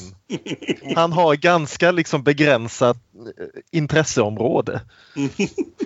Men det är också fint hur det kommer direkt på. För det, det är det han säger då till Mia efter deras fina fikastund med smultron och allt. Att när han ser på Mia och Joff så ser han en stor tillräcklighet med detta liv, denna värld och frågan om Gud och allt bortomvärldsligt är då helt likgiltig. Men direkt efter så för honom blir det bara en liten stund för döden. Döden står bakom knuten. En annan väldigt fin grej här är ju det här, om, om vi kopplar tillbaka till mötet med den stumma flickan förut när Jöns drog det här, jag har räddat livet på dig så nu får du göra som jag säger. När Jöns kommer tillbaka till det här där alla sitter och äter smultron och har det trevligt så blir det här är en av de bästa, eh, finaste små ögonblicken i filmen tycker jag. Så plötsligt Joff blir helallvarlig och förklarar att det där är mannen som räddade mitt liv nyss. Mm. Det, det, och det är helt osjälviskt. Det, det är inte att liksom, jaha, du räddade mitt liv, nu har, har, jag liksom, har du rätt att kräva saker av mig. Utan det är bara, han bara genuint tacksam. Mm. Och Jöns vet inte riktigt hur han ska hantera det. Utan skämtar bort det. Men eh, Nej, det är ytterligare ett sånt här ögonblick där eh, Jöns cyniska, nihilistiska, råa pessimism får lite... Även han måste ibland känna att vi angår varandra, som vi har pratat om. Mm. Men de får i alla fall, innan de drar vidare, för de bestämmer sig att resa tillsammans genom skogen, så får de ju också med sig då smeden Plog. Som, är, som fortfarande letar efter sin hustru och är helt förstörd. Och Jöns har några väldigt cyniska ord att säga om vad kärlek är. Ja, Nej, jag bara älskar hela den här dialogen de har här om helvetet i förhållande till kvinnor. Vi vet ju vid det här laget att Jöns har varit gift och hoppas inte vara det längre. Och när de då drar iväg genom skogen så stöter de ju på Jonas och eh, smedens fru som kommer gående där som om de var på väg rakt igenom eh, sommarnattens leende. Och det urartar i en klassisk Bergmansk eh, förolämpningsstrid. Ja, du har fått några sådana nu och det här är en av de, en av de finaste. Och det, det blir ännu bättre av det att eh, vår kära smed är ju inte nödvändigtvis en ordets man så Jöns måste sufflera honom med förolämpningar. och när han någon gång kommer på en bra förolämpning själv så blir Jöns så väldigt glad att han liksom står och applåderar bakom. Du hiskligt snaggar bastarda, sju skabbiga byracker om jag vore i dina lusiga palter skulle jag drabbas av en sån gränslös skam över min person att jag strax befriade naturen från min generande uppsyn. Passa dig, din parfymerade... Slappedask. Slappidask. Så jag inte lägger av en fjärt som tvärt på ögonblicket för den till taskspelarnas eget glödheta. Där ni kan sitta tillhopa och... Eh, Läsa monologer. läsa monologer för varann. Tills det dammar ur öronen på fan själv. Bra prov. Det är så härligt att kunna få, kunna få vara en Cyrano de Bergerac i, i förolämpningar snarare. Liksom. Ja. Mm. Jöns kommentarspår på den här scenen är ju någonting som, som stödjer tesen att han är den bästa filmkaraktären någonsin. Plog, lilla plogen min. Va? Mm, lilla rara plog, förlåt mig för allting. Om ett ögonblick börjar hon gråta. Jag måste gråta, det är så hemskt allting. Och den där herrn har lurat mig så förskräckligt så det kan du inte tro. Hörru, Kunigunda. Om nu sanningen ska fram så... Snart kommer talet om älsklingsrätterna. Vänta bara. Lille plog, när vi kommer hem så ska jag laga kroppkakor åt dig med rotmos och lingon som är det bästa du vet. Hur som helst så bestämmer sig Jonas Skat då för att det bästa sättet att lösa det här för smeden vill slå ihjäl honom men han vill inte faktiskt längre för han, nu är han ju inte arg längre. Vi får också det här fina ögonblicket där smedens fru har lurat i Jonas Skat att hon heter Kunigunda men hon heter ju Lisa. Så Jonas Skat bestämmer sig helt enkelt för, för att göra vapen av det här att han är skådespelare och drar fram en fake kniv och håller ett stort tal där han förklarar att ja, jag går in i en annan verklighet nu och så låtsas han hugga ihjäl sig själv och sjunker ihop. Och då har vi också en sån här jättefint litet ögonblick där då Joff och Jöns står i bakgrunden och kollar på det här och Joff, man ser Joff viska till Jöns att det är ingen fara, det är inte en riktig kniv. Så han sjunker ihop så död som någon skådespelare någonsin har varit. Och resten av gänget kan dra vidare. Men eh, om, om han nu trodde man kunde lura döden så visar döden ganska snabbt att så är icke fallet. Det här är kanske roligaste scenen i hela filmen tycker jag. Det är så und- han sitter där uppe i trädet och väntar på att det ska bli dags att springa efter det andra gänget och hoppas väl att smeden och hans fru ska dra vidare någon annanstans. Och så plötsligt så hör han någon som sågar. Men det är ju hans träd. Och där nere står döden med en såg och sågar ner hans träd. Jag sågar ner i träd. Eftersom din tid är ute. Det, det går inte, jag har inte tid. Har du inte tid? Nej, jag har min föreställning. Nej, den är inställd. På grund av dödsfall. Det tar mig fan en av mina favoritrepliker hela tiden. Men här har vi ju den här frågan då, liksom, dör han av något annat eller tar döden livet av honom? Ja, exakt. Det finns inga tydliga liksom, tecken åt det ena eller andra hållet. För som sagt, det finns ju människor som dör i den här filmen sen utan att alltså, döden uppenbarligen är närvarande. Men vi ser dem inte komma och ta dem, bokstavligen. Så man kan, man kan dö av pesten, man kan dö av gift eller man kan dö av döden. Ja, nej, men det, det är väl det, det jag, jag känner, som sagt, som sa tidigare, att eh, huruvida döden närvarar vid varje dödsfall eller inte har lite liksom, mindre betydelse. Att, att, eh, jag har svårt att se döden som någon sån här trickster, utan det är bara vad ska man säga, konstnärlig frihet. Att egentligen skådespelaren i trädet dör egentligen om att faller ner i trädet eller att trädet går sönder eller whatever. Men rent tematiskt så är det också intressant för när kristendomen eh, dog som rimlig förklaring på 1800-talet så, så var det ju konsten som blev det man hoppades på. Att vi skapar vår egen mening här i livet. Men döden förklarar här väldigt tydligt att du trodde att du i ditt skådespel var herre över döden, men icke så. Finns det inga undanflykter då? Inga särskilda regler för skådespelare? Nej, inte i det här fallet. Det finns inga särskilda regler för skådespelare. Ni kommer att dö precis lika horribelt. Ingen mening där heller.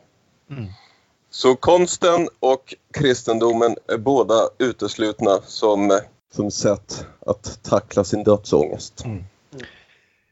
Men den här väldigt lättsamma dödsscenen då, den behövs ju här för nu kommer vi in på två av de tyngsta scenerna i hela filmen. Ja, jävlar i mig. För först så springer de ihop med det här gänget soldater och deras torterade flickstackare igen.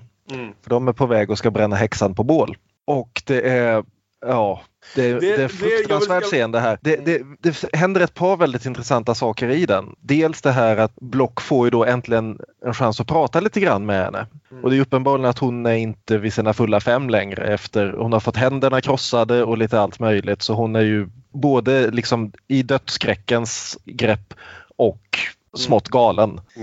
Jag diskuterade lite kort förut här. Det är väl inte osannolikt att Bergman har tittat på Dreyer och inte bara då på ordet utan även hans tidigare film Vredens dag som är en film som fokuserar just väldigt mycket på, på utdrivandet och eh, förhörandet av påstådda häxor. Och naturligtvis också på eh, Jeanne d'Arc. Ja, precis. Eh, En kvinnans martyrium som den heter på svenska. Precis, Eller- så heter den. Men han får ju då en chans att prata med henne och frågar om hon har sett djävulen. För han, han vill träffa djävulen. För om det finns någon som kan säga någonting säkert om Gud så måste det vara djävulen. Du kan se honom när du vill. Hur? Men då måste du göra som jag säger. Se in i mina ögon. Nå, vad ser du? Ser du honom? Jag ser en stel skräck i dina ögon. Ingenting annat. Ingen. Ingenting.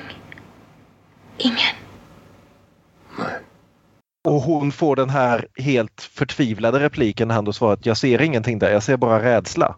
Och hon svarar ganska desperat att men du måste se honom. Prästen hade inga svårigheter att se honom. För hon har väl blivit så torterad till det här så att hon måste tro att djävulen har tagit henne för annars kommer hon upp emot den här meningslösheten. Nej, alltså det är en så jävla stark scen, hela den här Mm. sekvensen. Det är... Och Jönsson konstaterar lite Ja. i förbegående att jag funderade på om vi kunde döda alla soldaterna men det vore inget värt, hon är nästan död ändå. Just det, hur han säger det i förbegående lite, gjorde det extra brutalt. Mm. Mm. Det jag vill säga här är, som jag tyckte var extra intressant, som sagt, nu har jag nog inte sett den här på 15 år innan i eftermiddags. Jag mindes bokstavligt talat det här som en häxbränning och det är det ju inte. Vi kommer ju aldrig fram till själva bränningen. Nej. Nej, det hade, alltså i mitt minne bränns hon. Och det hände faktiskt inte, så jag var helt chockad över liksom att eh, jag mindes det så fel. Att, eh, Mm. ja, nej, det, det var intressant. Jag har alltid tänkt på, på den, för jag minns den väldigt starkt. Framförallt just den här långa bilden på Gunnar Björnstrand och Max von Sydow som spelar arslet av sig. Mm. När de inser liksom vad, vad som kommer hända här framför dem. Säger hon? Kan du svara mig på det? Hon har inte ont mer. Du svarar inte på min fråga. Vem tar hand om det där barnet?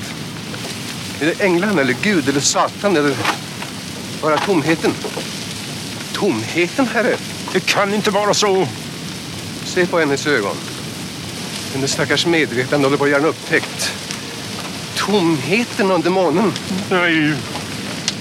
Vi står maktlösa med hängande armar. För vi ser det hon ser.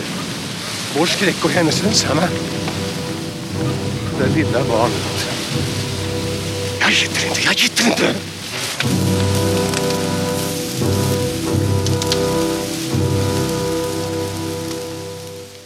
Och vi ser återigen att Björnstrands karaktär inte är fullt så badass. För han står där och vill då liksom lika mycket för sin egen skull som för att ta sin herre ur de här grubblerierna. Kräver att han ska svara liksom, ja vad tar hon vägen nu då? Vad händer med henne? Kommer hon till himlen? Kommer hon till helvetet? Eller kommer hon ingenstans?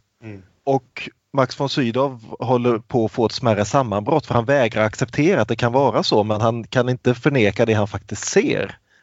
Och dessutom att Jöns, han verkar så tuff med det först men man ser att han, det brister i honom mot slutet. Han kan inte heller se det. Nej.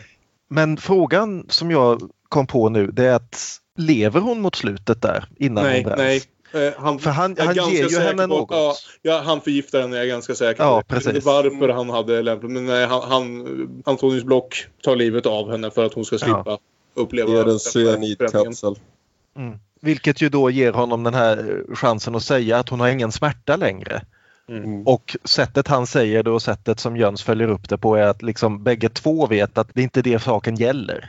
Smärta är någonting som går över men det här är någonting som inte går över. Det här är döden, den kommer du inte ifrån och de har, hittar inga som helst tecken på att det är något mer med det än så. Och här är ju döden närvarande om än inte som den som faktiskt tar livet av henne, vilket är intressant. Utan han har förklätt sig till, till munk här som en av liksom, torterarna av den här stackars flickan. Och har varit den så tydligen då som tagit beslutet, som de säger, att, att, att krossa händerna på henne. Så här spelar han ju liksom en annan lite annan roll. I, han, han får börja representera något, en större ondska här på något sätt. Inte bara själva den som kommer och faktiskt slutligen tar livet från folk. Mm. Utan han har tydligen varit delaktig i det som har skett henne här under en lite längre period. Och det, det är intressant. Det vidgar ytterligare liksom. Mm. Vem, vem är döden i den här filmen egentligen? Som, vi- Vilket då också, känner jag, då talar emot min övertygelse av döden som ingenting mer än någon som hämtar de döda. Mm. Men ja, ja, jag vet inte om jag tänkte att döden hade varit så närvarande. Jag trodde att han soldaten bara pekade på första bästa munk när det kom Mm. till frågan om krossade händer. Så jag vet inte om jag tänkte att döden hade varit så aktiv. Men kanske. Mm. Men sen bara för att följa upp det här liksom, så att vi inte ska vara alltför glada så följs det ju då direkt av att vi får träffa Raval igen. Ja. ja. Och han har nu drabbats av pesten och börjat följa efter dem och han är... Det, är, det här är liksom en så jävla hemsk dödsscen. Mm. Just därför att det är så väldigt många dödsscener på film och på teater och så vidare som ändå, speciellt om vi ska snacka kristendom och sånt där, som handlar om hur folk antingen liksom accepterar sin dödlighet eller kämpar emot den eller förnekar den. Men här har vi alltså någon som vet att han precis ska dö och som är asförbannad och desperat. Mm. Och verkligen skriker ut sin skräck över det. Jag är rädd för att dö! Jag vill inte dö! Jag vill inte! Och då vet vi också med här att han har övergett sin tro tidigare så han befinner sig lite på samma... Ja. Han har kommit dit på ett annat sätt men han har landat på samma plan i sin, i sin kamp med de här frågorna som, som Gunnar Björnstrand och, och eh, Max von Sydow. Och, och en av sakerna han skriker då är tala åtminstone med mig. Det är liksom låt mig åtminstone få veta att jag inte är ensam som människa i det här. Men det kan de inte göra och den enda som faktiskt visar något som helst tecken på att vilja hjälpa honom är just den här stumma flickan som inte kan tala med honom. Och, och som, ska vi säga, några, bara några timmar tidigare, tidigare under samma dag var den som hotades att våldtas eller till och med mördas Ja. av honom. Och hon är ändå den som uppvisar mest sympati för honom i det här Precis. tillfället. Ja. Och, och Jöns håller tillbaka henne med orden Det är meningslöst. Det är fullständigt meningslöst. Hör du inte att jag tröstar dig? Det, det kanske de två Ja. bästa dramatiska scenerna Bergman har gjort hittills och de kommer liksom back to back. Det är Ja. helt sanslöst. För det vänder också tonen från som sagt från några ganska lättsamma scener precis innan. Det är en otrolig balansering av, av komedi gentemot drama här som är skickligare än något han har gjort tidigare vill jag säga. Alltså just det att han ändå får att funka. Att det inte känns konstigt när, när de här scenerna tar över efter, efter det här nästan liksom skämtsamma scenerna med Jön som spelar syrran åt sme- smeden och så vidare. Men sen så kommer vi i alla fall genom den här mörka skogen fram till ändå det här nådeögonblicket. Mm. Som ska liksom på något sätt förlösa hela den här historien och det tycker jag det gör så inåt helvete jävla snyggt. Mm. De har slagit läger och rastar lite grann och döden kommer och de ska avsluta sitt schackparti. Och Joff, som vi har etablerat, ser saker som inte andra ser. Ser döden sitta där och spela schack med riddaren. Mia, Vad är det? jag ser något hemskt. Något som jag nästan inte kan tala om. Vad ser du? Riddaren sitter där borta och spelar schack. Ja, det ser jag också. Det är väl inte så förskräckligt hemskt. Ser du inte vem han spelar med?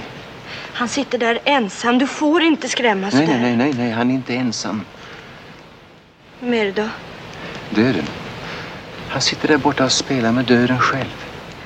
Får inte säga så. Vi måste försöka komma undan. Inte kan man det. Vi måste försöka. De är så upptagna av sitt spel. Om vi gör oss av helt tyst märker de oss inte. Och Block ser att Joff ser honom. Och det han gör då är helt enkelt att han slår omkull schackbrädet. Ja.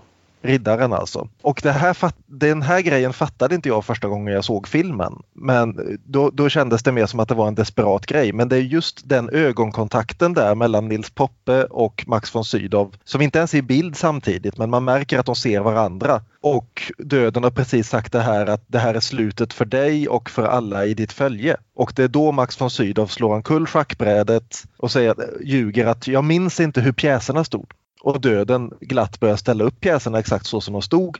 Men under tiden så tar Joff sin fru och barn och drar för fan i våld. Mm. Sticker och flyr för livet. Och där, och där har vi ögonblicket som riddare Block har väntat på. Precis, här offrar, offrar han sitt och Jöns och flickans och smedens och hans frus liv för att rädda den här unga familjen. Mm. Och, Och utan att döden ens uppfattar det. Nej, precis. Han, lyck- han lurar döden bokstavligt talat, bara inte för, sin- för, sin egen, för sin egen räkning. Och eh, döden säger det att ja, döden vinner schackpartiet, om än nu på oregelbundet vis.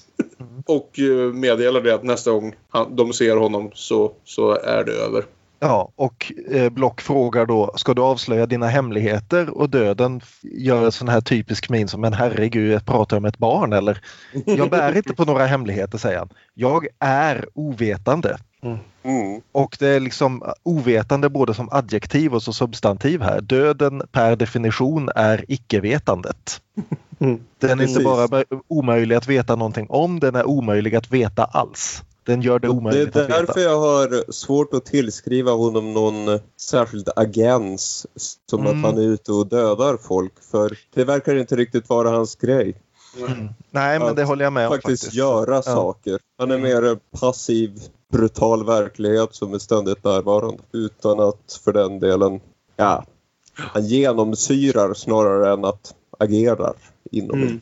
Mm. Men, men det är ju just det som är intressant. Att, eh, att det lämnas otroligt öppet. Att det inte är liksom... Det är alltid mer intressant med filmer som låter oss diskutera det här. Och det är en av orsaken till att vi sitter här och diskuterar vad det nu är 60 år senare. Att, eh, nej men al- alltså det, det, det är inte helt liksom lätt att sy efter det här mönstret. Det, det, det, det sitter inte riktigt rätt och det är det som gör det intressant. Det är Mm. alltid så de bästa filmerna gör. Ja, men, men så det är just det här liksom det som kristendomen, som Aron påpekade helt korrekt förut, påstår sig erbjuda är ju inte ett svar utan det är ju nåden. Och det är det som alla kristna figurer genom hela filmen har fullständigt misslyckats med att ens komma ihåg att de ska göra. De har bara erbjudit skräck. Mm. Och här så istället så kommer nåden genom en människas beslut. Mm. Människans helighet som Mm. Bergman gillar att kalla det. If nothing we do matters then all that matters is what we do. Som poeten sa det. En vis man. Och det för oss ju fram till de allra sista scenerna. Jag har en liten fråga här som inte, inte får bli för nitpicky här. Jag vill säga att eh, när riddaren i den här fina scenen med smultronen och så vidare erbjuder Joff och Mia att hänga med till hans gård. Säger han inte så? Jo, ni kan bo i mitt hus. Ja, i, men jag tror han just Ja, han gård. kanske säger gård till och med. Ja, för nu när de kommer fram är det ju ta mig fan som att han bor i någon slags grottkomplex taget ur... Men på 1300-talet var kanske det en gård. Eh, Språk förändras. Vet du. Han har varit borta tio år. Den har förfallit en smula. Det har börjat växa stenar. Mm. Nej, nej men det är som det här liksom förr i tiden så bodde folk i ruiner. Det vet man ju för man har ju sett ruinerna. Mm.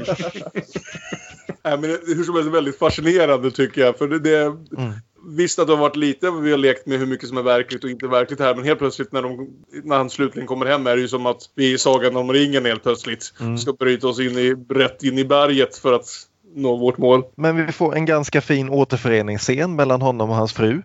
De har inte träffat varandra på tio år och känner knappt ens igen varandra längre. Nej. Vi känner igen en krisbrutta när vi ser henne. Precis. Inga Landgren är tillbaka igen efter sin strålande insats i Kvinnodröm. Och gör det mesta hon kan av sina få scener här. Mm.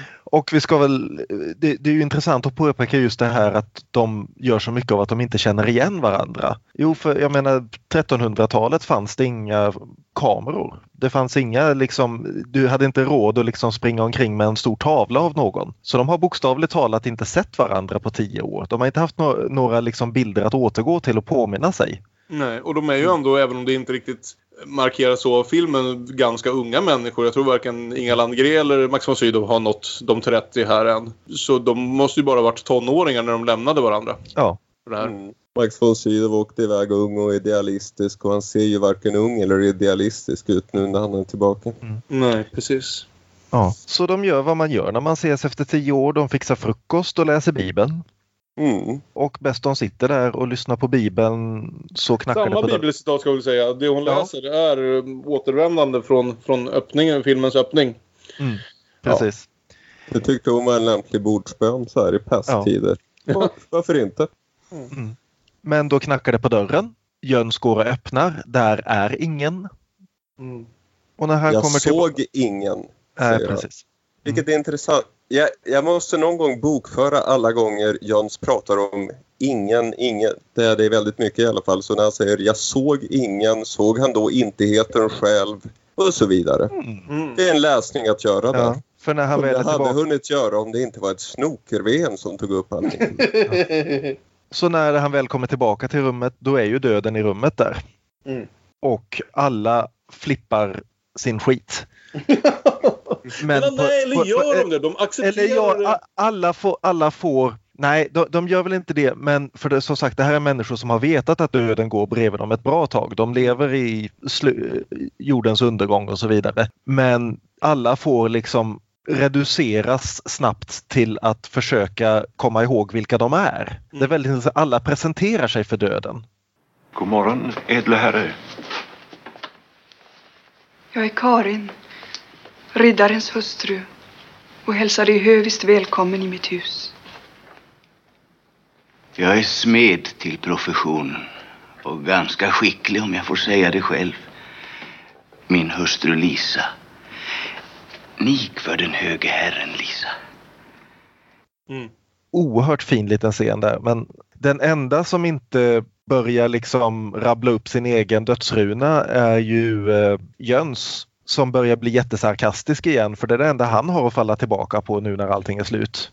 Men känner i alla fall den sista minuten den oerhörda triumfen att rulla med ögonen och röra på tårna. Tyst, tyst. Jag ska vara tyst. Men under protest. Ja, jag älskar den. Åh. Ja.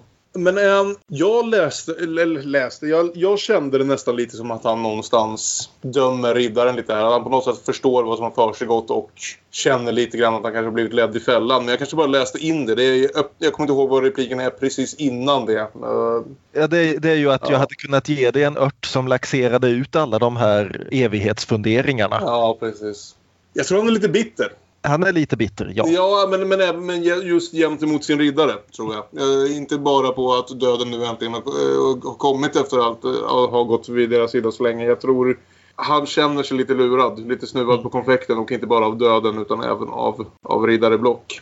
Jo. Varför är inte Jöns värd att rädda om, om nu, om nu den, vad heter det, den heliga Maria och, och hennes make och barn är det? Mm.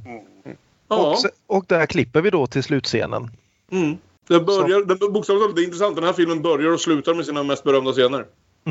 Att då Joff och Maria vaknar efter en stormig natt och klättrar ut ur vagnen och Joff tittar upp mot kullen och där ser han för sin inre syn då döden leda alla de andra i en dans och bort och försvinna. Mm. Mia tror väl inte riktigt på honom men hon tycker om honom ändå. För det är ju, Ja. det är ju, så, det är ju sån han är. Ja.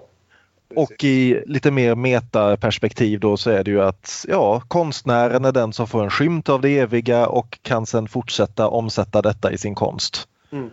Och därigenom frälsa mänskligheten. Eller något. Eller något. Ja, hörni, vi, där kommer vi fram till slutet på det sjunde insteget. Det var väl inte helt otippat att det här skulle bli vår lä- längsta diskussion hittills.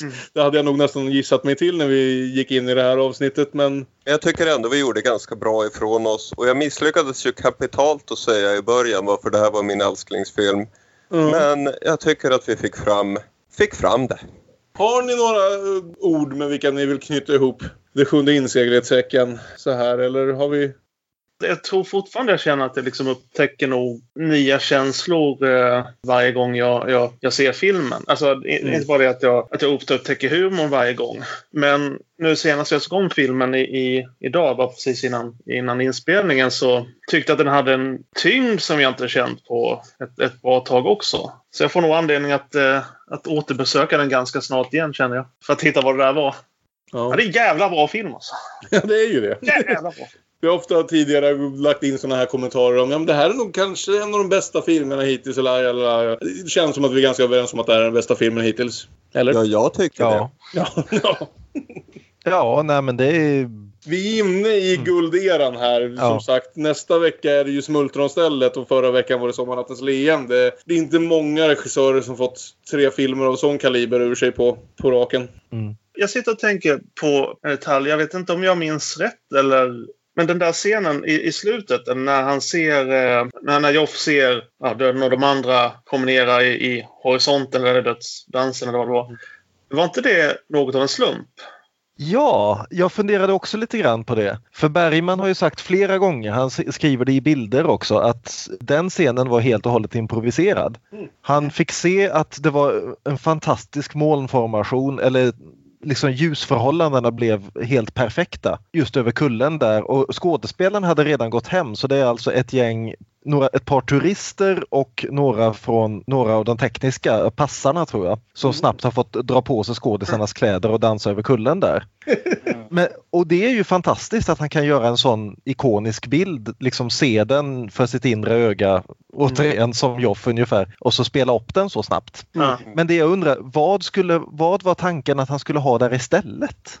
Nej, men Ja. han hade väl själva bilden klar att det skulle vara den här dödsdansen. Den är också med i pjäsen och Mm. eh, det kommer ju från eh, målningen. Ja, precis. Inte Pictors målning då utan en annan målning som Mm. trämålning var mer en annan okänd målares målning. Ja. Det var det här schackspelet som var Pictor. Så han visste att han skulle ha den men just där så hittade han helt plötsligt det är nu och det är här vi ska spela in den. Mm. I regi Bergman fanns det något utdrag med en av de här som fick dra på sig kläderna eftersom Åke Fridell hade varit ute och supit kvällen innan, som vissa av våra poddare, och inte kunde gå. Jävla dålig stil alltså. Alkohol. Så Fy. dra på dig spedoutfiten. Vi måste filma här. Gunnar, upp med kameran. Kolla vilket jävla moln. Så, så det var det som var själva eh, slumpartat, inte själva motivet. Nej, molnet var viktigare än vilka som faktiskt stod där i slutändan. Mm. Så länge grunnade nog lite hur han skulle få den här bilden och ge den den impact som den behövde. Och sen hittade han det perfekta molnet. Ja, det var som sagt en ganska uttömmande diskussion känner jag. Jätte, Jättekul som alltid. Men det för oss också fram till vårt... eh, samtidigt inte på ett dugg sätt uttömmande. Jag håller helt med Fredrik att jag upptäckte så mycket. Det här kan vi göra nya avsnitt om varje vecka. Det kör vi och 2020 ska vi berätta nu så kommer vi alltså att göra en gång i veckan kommer vi att titta på sjunde inseglet. Det finns ju den där, ni har hört den podcasten. Ni har, ni har hört den podcasten där de tittar på Grown-Ups 2 52 gånger på ett år och blir knäppare och knäppare. Jag tror det är avsnitt 48 som mer eller mindre ett, är ett timmeslångt sammanbrott av folk som har fått nog. Alltså, alltså, frå- frågan är vilket som har starkast och värst effekt på psyket. Grown-Ups 2 eller Kolondinseglet i sådana va? Men vi fick väl i alla fall kontentan att svaret på dödens problem är att vi lever vidare i handlingarna som, där vi har hjälpt andra människor. Mm. Och ibland stjälpt en väpnare eller två. Men Ja. så, så även det svaret har sina frågetecken. Ja, han gör det ju dessutom dubbelt. Det är intressant att han inte själv lägger ett värde i den här att han visste att hon, hon dör av det men att han även liksom hjälper den påstådda häxan. Att han inte Mm. själv lägger det värdet i den handlingen. Men eh, för det tänkte jag på. Det är inte bara en, en nådgivande handling han faktiskt gör här utan det är åtminstone två. Mm. Det för oss väl fram till vårt varje veckas avslutning höll på att säga. Där vi väljer en film var att para ihop med, i det här fallet, Det sjunde inseglet. En film vi tycker passar tematiskt på ett sätt eller annat. Och vi kallar den här leken för, vad var det nu Aron? Dubbelbull, dubbelspel, parhäst, filmfest. Det här är då dubbelbull, dubbelspel, parhäst, något av ett. Och eh, som alltid börjar vi hos gästerna. Så Fredrik, vilken film vill du para ihop med Det sjunde inseglet just den här veckan? Nej, en film som jag, som jag kommer tänka på under, under diskussionen. Men som jag inte nämnde därför att jag tyckte inte... Vad ska jag säga? Den, den koppling jag tänkte göra höll, eh, höll hela vägen. Men eh, gör den kanske i det här sammanhanget. Eh, jag tänkte på Into the Wild. Sean Penns eh, film från 2007 baserad på vad heter han, Christopher McCandless och eh, som tog sig igenom USA och det slutade väl inte så jävla bra, hans resa. Men, men, men att, att det som slog mig med Into the Wild när jag såg, när jag såg den var det här att eh, vad heter han, McCann, vad heter, hur, hur uttalas det? McCandless. Att han var ju ute efter någonting specifikt under sin resa som han trodde att han skulle finna, skulle finna när han kom i mål.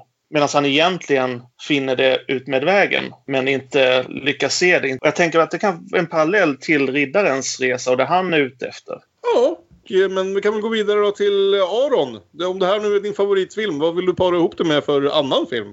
Aningen lättviktigare men också väldigt fin film och en ny film om att kämpa med döden. I killed giants. Okej. Mm. Jag vet inte vad det här är för något, vilket kanske är första gången jag säger det faktiskt under det här segmentet. Det är en väldigt fin film faktiskt. Mhm. Spännande. Från eh, 2017 regisserad av Joe Kelly. Mhm. Det är en eh, amerikansk film och vad, vad kan hon vara lilltjejen som är huvudpersonen? Är hon 12 eller något sånt? Någonstans där, 12-13. Mm. Ja. Och eh, hon har helt enkelt tagit upp kampen mot mörkrets makter. I det här fallet jättar. Mm. Som hon ska slå ner med sin enorma jävla hammare. Och Eh, det är en väldigt stark bild att se den här lilla tjejen stå upp mot döden själv. Fredrik, du hade något där? Ja, alltså den, eh, den är skriven av... Manuset är skrivet av Joe Kelly baserat på hans eh, se- serietidning. Eh, Ja, du har rätt. Jag läste på fel rad. Regisserad av Anders Walter. Anders Walter. Mm. Och det är i alla fall en väldigt fin liten film. Mm. Som, som jag tyckte mycket om. Vad bra. Och döden. Döden. Döden, döden, döden. Björn? Ja, jag tänkte gå lite längre tillbaka och eh, jag var inne ett tag på eh, säga 2001, en annan film där döden fuskar i schack. Men kom till slut fram efter bland annat efter den här diskussionen vi hade här om medeltida myter och kristendomens brist på medlidande. Så jag säger eh, Robin Hardys The Wicker Man från 1973. Som ju också är en film där vår hjälte i slutändan behöver göra en meningsfull handling för att rädda, fast kanske något mer motvilligt. Jag ska inte spoila den för det är en film som är värd att se ospoilad ifall någon har en chans att göra det. Men det utspelar sig då på en liten skotsk ö dit en eh, djupt kristen polis kommer för att utreda en försvunnen flicka. Mm. Och upptäcker att alla på den här ön verkar ha gått tillbaka till druidismen. Och kan inte alls förstå varför han tycker det är en så katastrof att de har övergett kristendomen. Väldigt, väldigt bra film. Se till att se någon av de återställda versionerna som inte har kapat 25 minuter och undvik för allt i världen remaken från 2006. Ja, men du, det för mig fram till en av sakerna jag faktiskt glömde prata om. Vi glömde prata lite om eh, kring vår huvudfilm, Det sjunde inseglet. Men vi tar det här. Såklart den påverkan den haft på popkulturen. Inklusive att det finns en Nicolas Cage-film som jag inte har orkat se mer än trailern av. Som ska heta Season of the Witch och som tydligen är någon slags action fantasy uppdatering av i stort sett den här handlingen. Ja! Och, och den är så jävla dålig. Och den är så oändligt mycket bättre än Wickerman-remaken. Det stämmer också. Men, just den här krocken mellan en kristendom som gått vilse i dogmer och Mm. en äldre tradition som inte riktigt nödvändigtvis heller har så mycket bättre att erbjuda. Det gör just Wickerman originalet bättre än nästan någon annan film och den är väl värd att se bara för det. Mm. Men då stannar jag kvar i det brittiska 70-talet och lite kanske samma, vad ska vi säga, stämning som runt The Wicker Man. Någon slags mittemellan dödligt allvar och ändå lite kul exploitation. Och eh, vill prata lite om Ken Russells The Devils. Som är mitt val den här veckan. En film om eh, vad som händer i Frankrike när katolska präster börjar vad heter det, misstänkas hållit på med häxeri och vad som händer när... Också en film om vad som händer när det visar sig att kristendomen inte har svaret på pestens eh, plågor och andra plågor och eh, inte minst de kötsliga lustarnas plågor. En, vad ska vi säga, nästan mytiskt hatad film i kristna cirklar som var för, förbjuden i väldigt många länder väldigt länge. Som fortfarande aldrig har restaurerats upp eh, och fått tillbaka. Det finns ett par berömda scener där, ja, ett gäng nakna nunnor våldtar en staty av Kristus. som aldrig har vad heter det, återfunnits i tillräckligt bra skick att faktiskt klippa tillbaka in i filmen. Det finns versioner, precis som i Wickerman, där scenerna är tillbaka klippta men man märker då också att helt plötsligt blev allting väldigt suddigt när de scenerna kommer.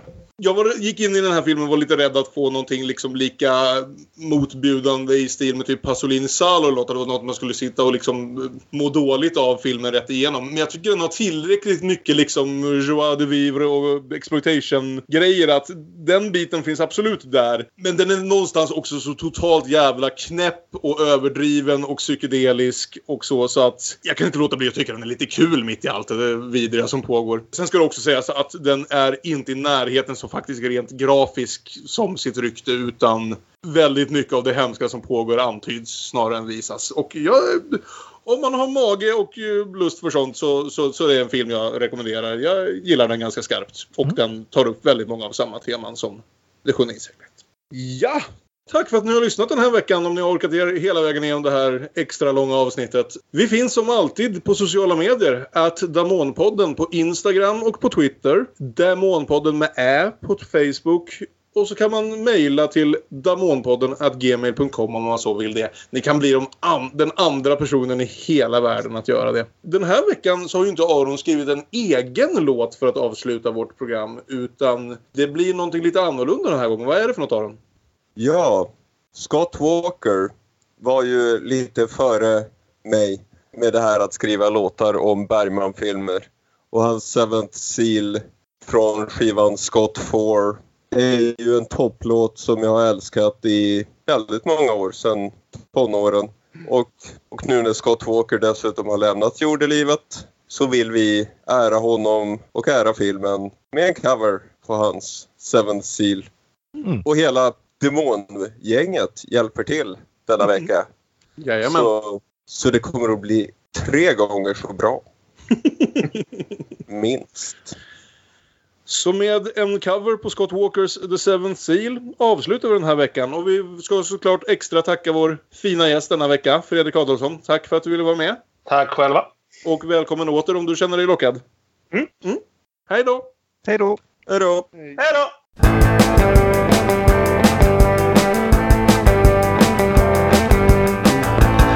Anybody seen a night pass this way? Playing death yesterday. His crusade was a search for God, and they say it's been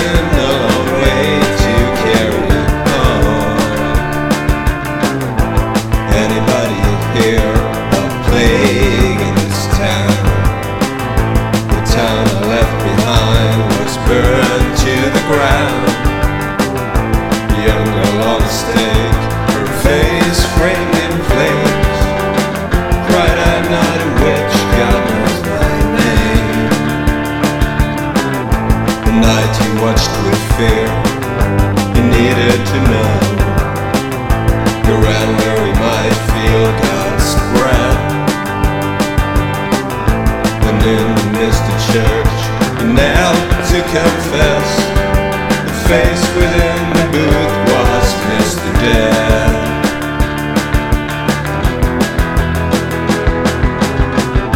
My life's a hidden pursuit of meaningless lies. Why can't God touch me with a sigh? Perhaps there's no one there. Answer the booth. And death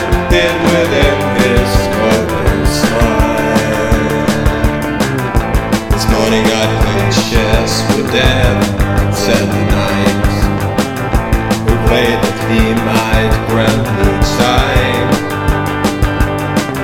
My bishop and my knight will shatter his ranks. Still, I might feel God's heart in mine. And through confession's grill, Death's laughter was heard. The night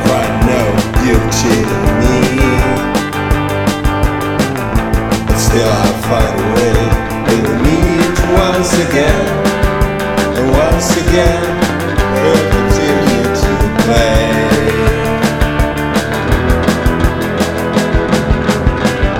They met within the woods the night is quiet.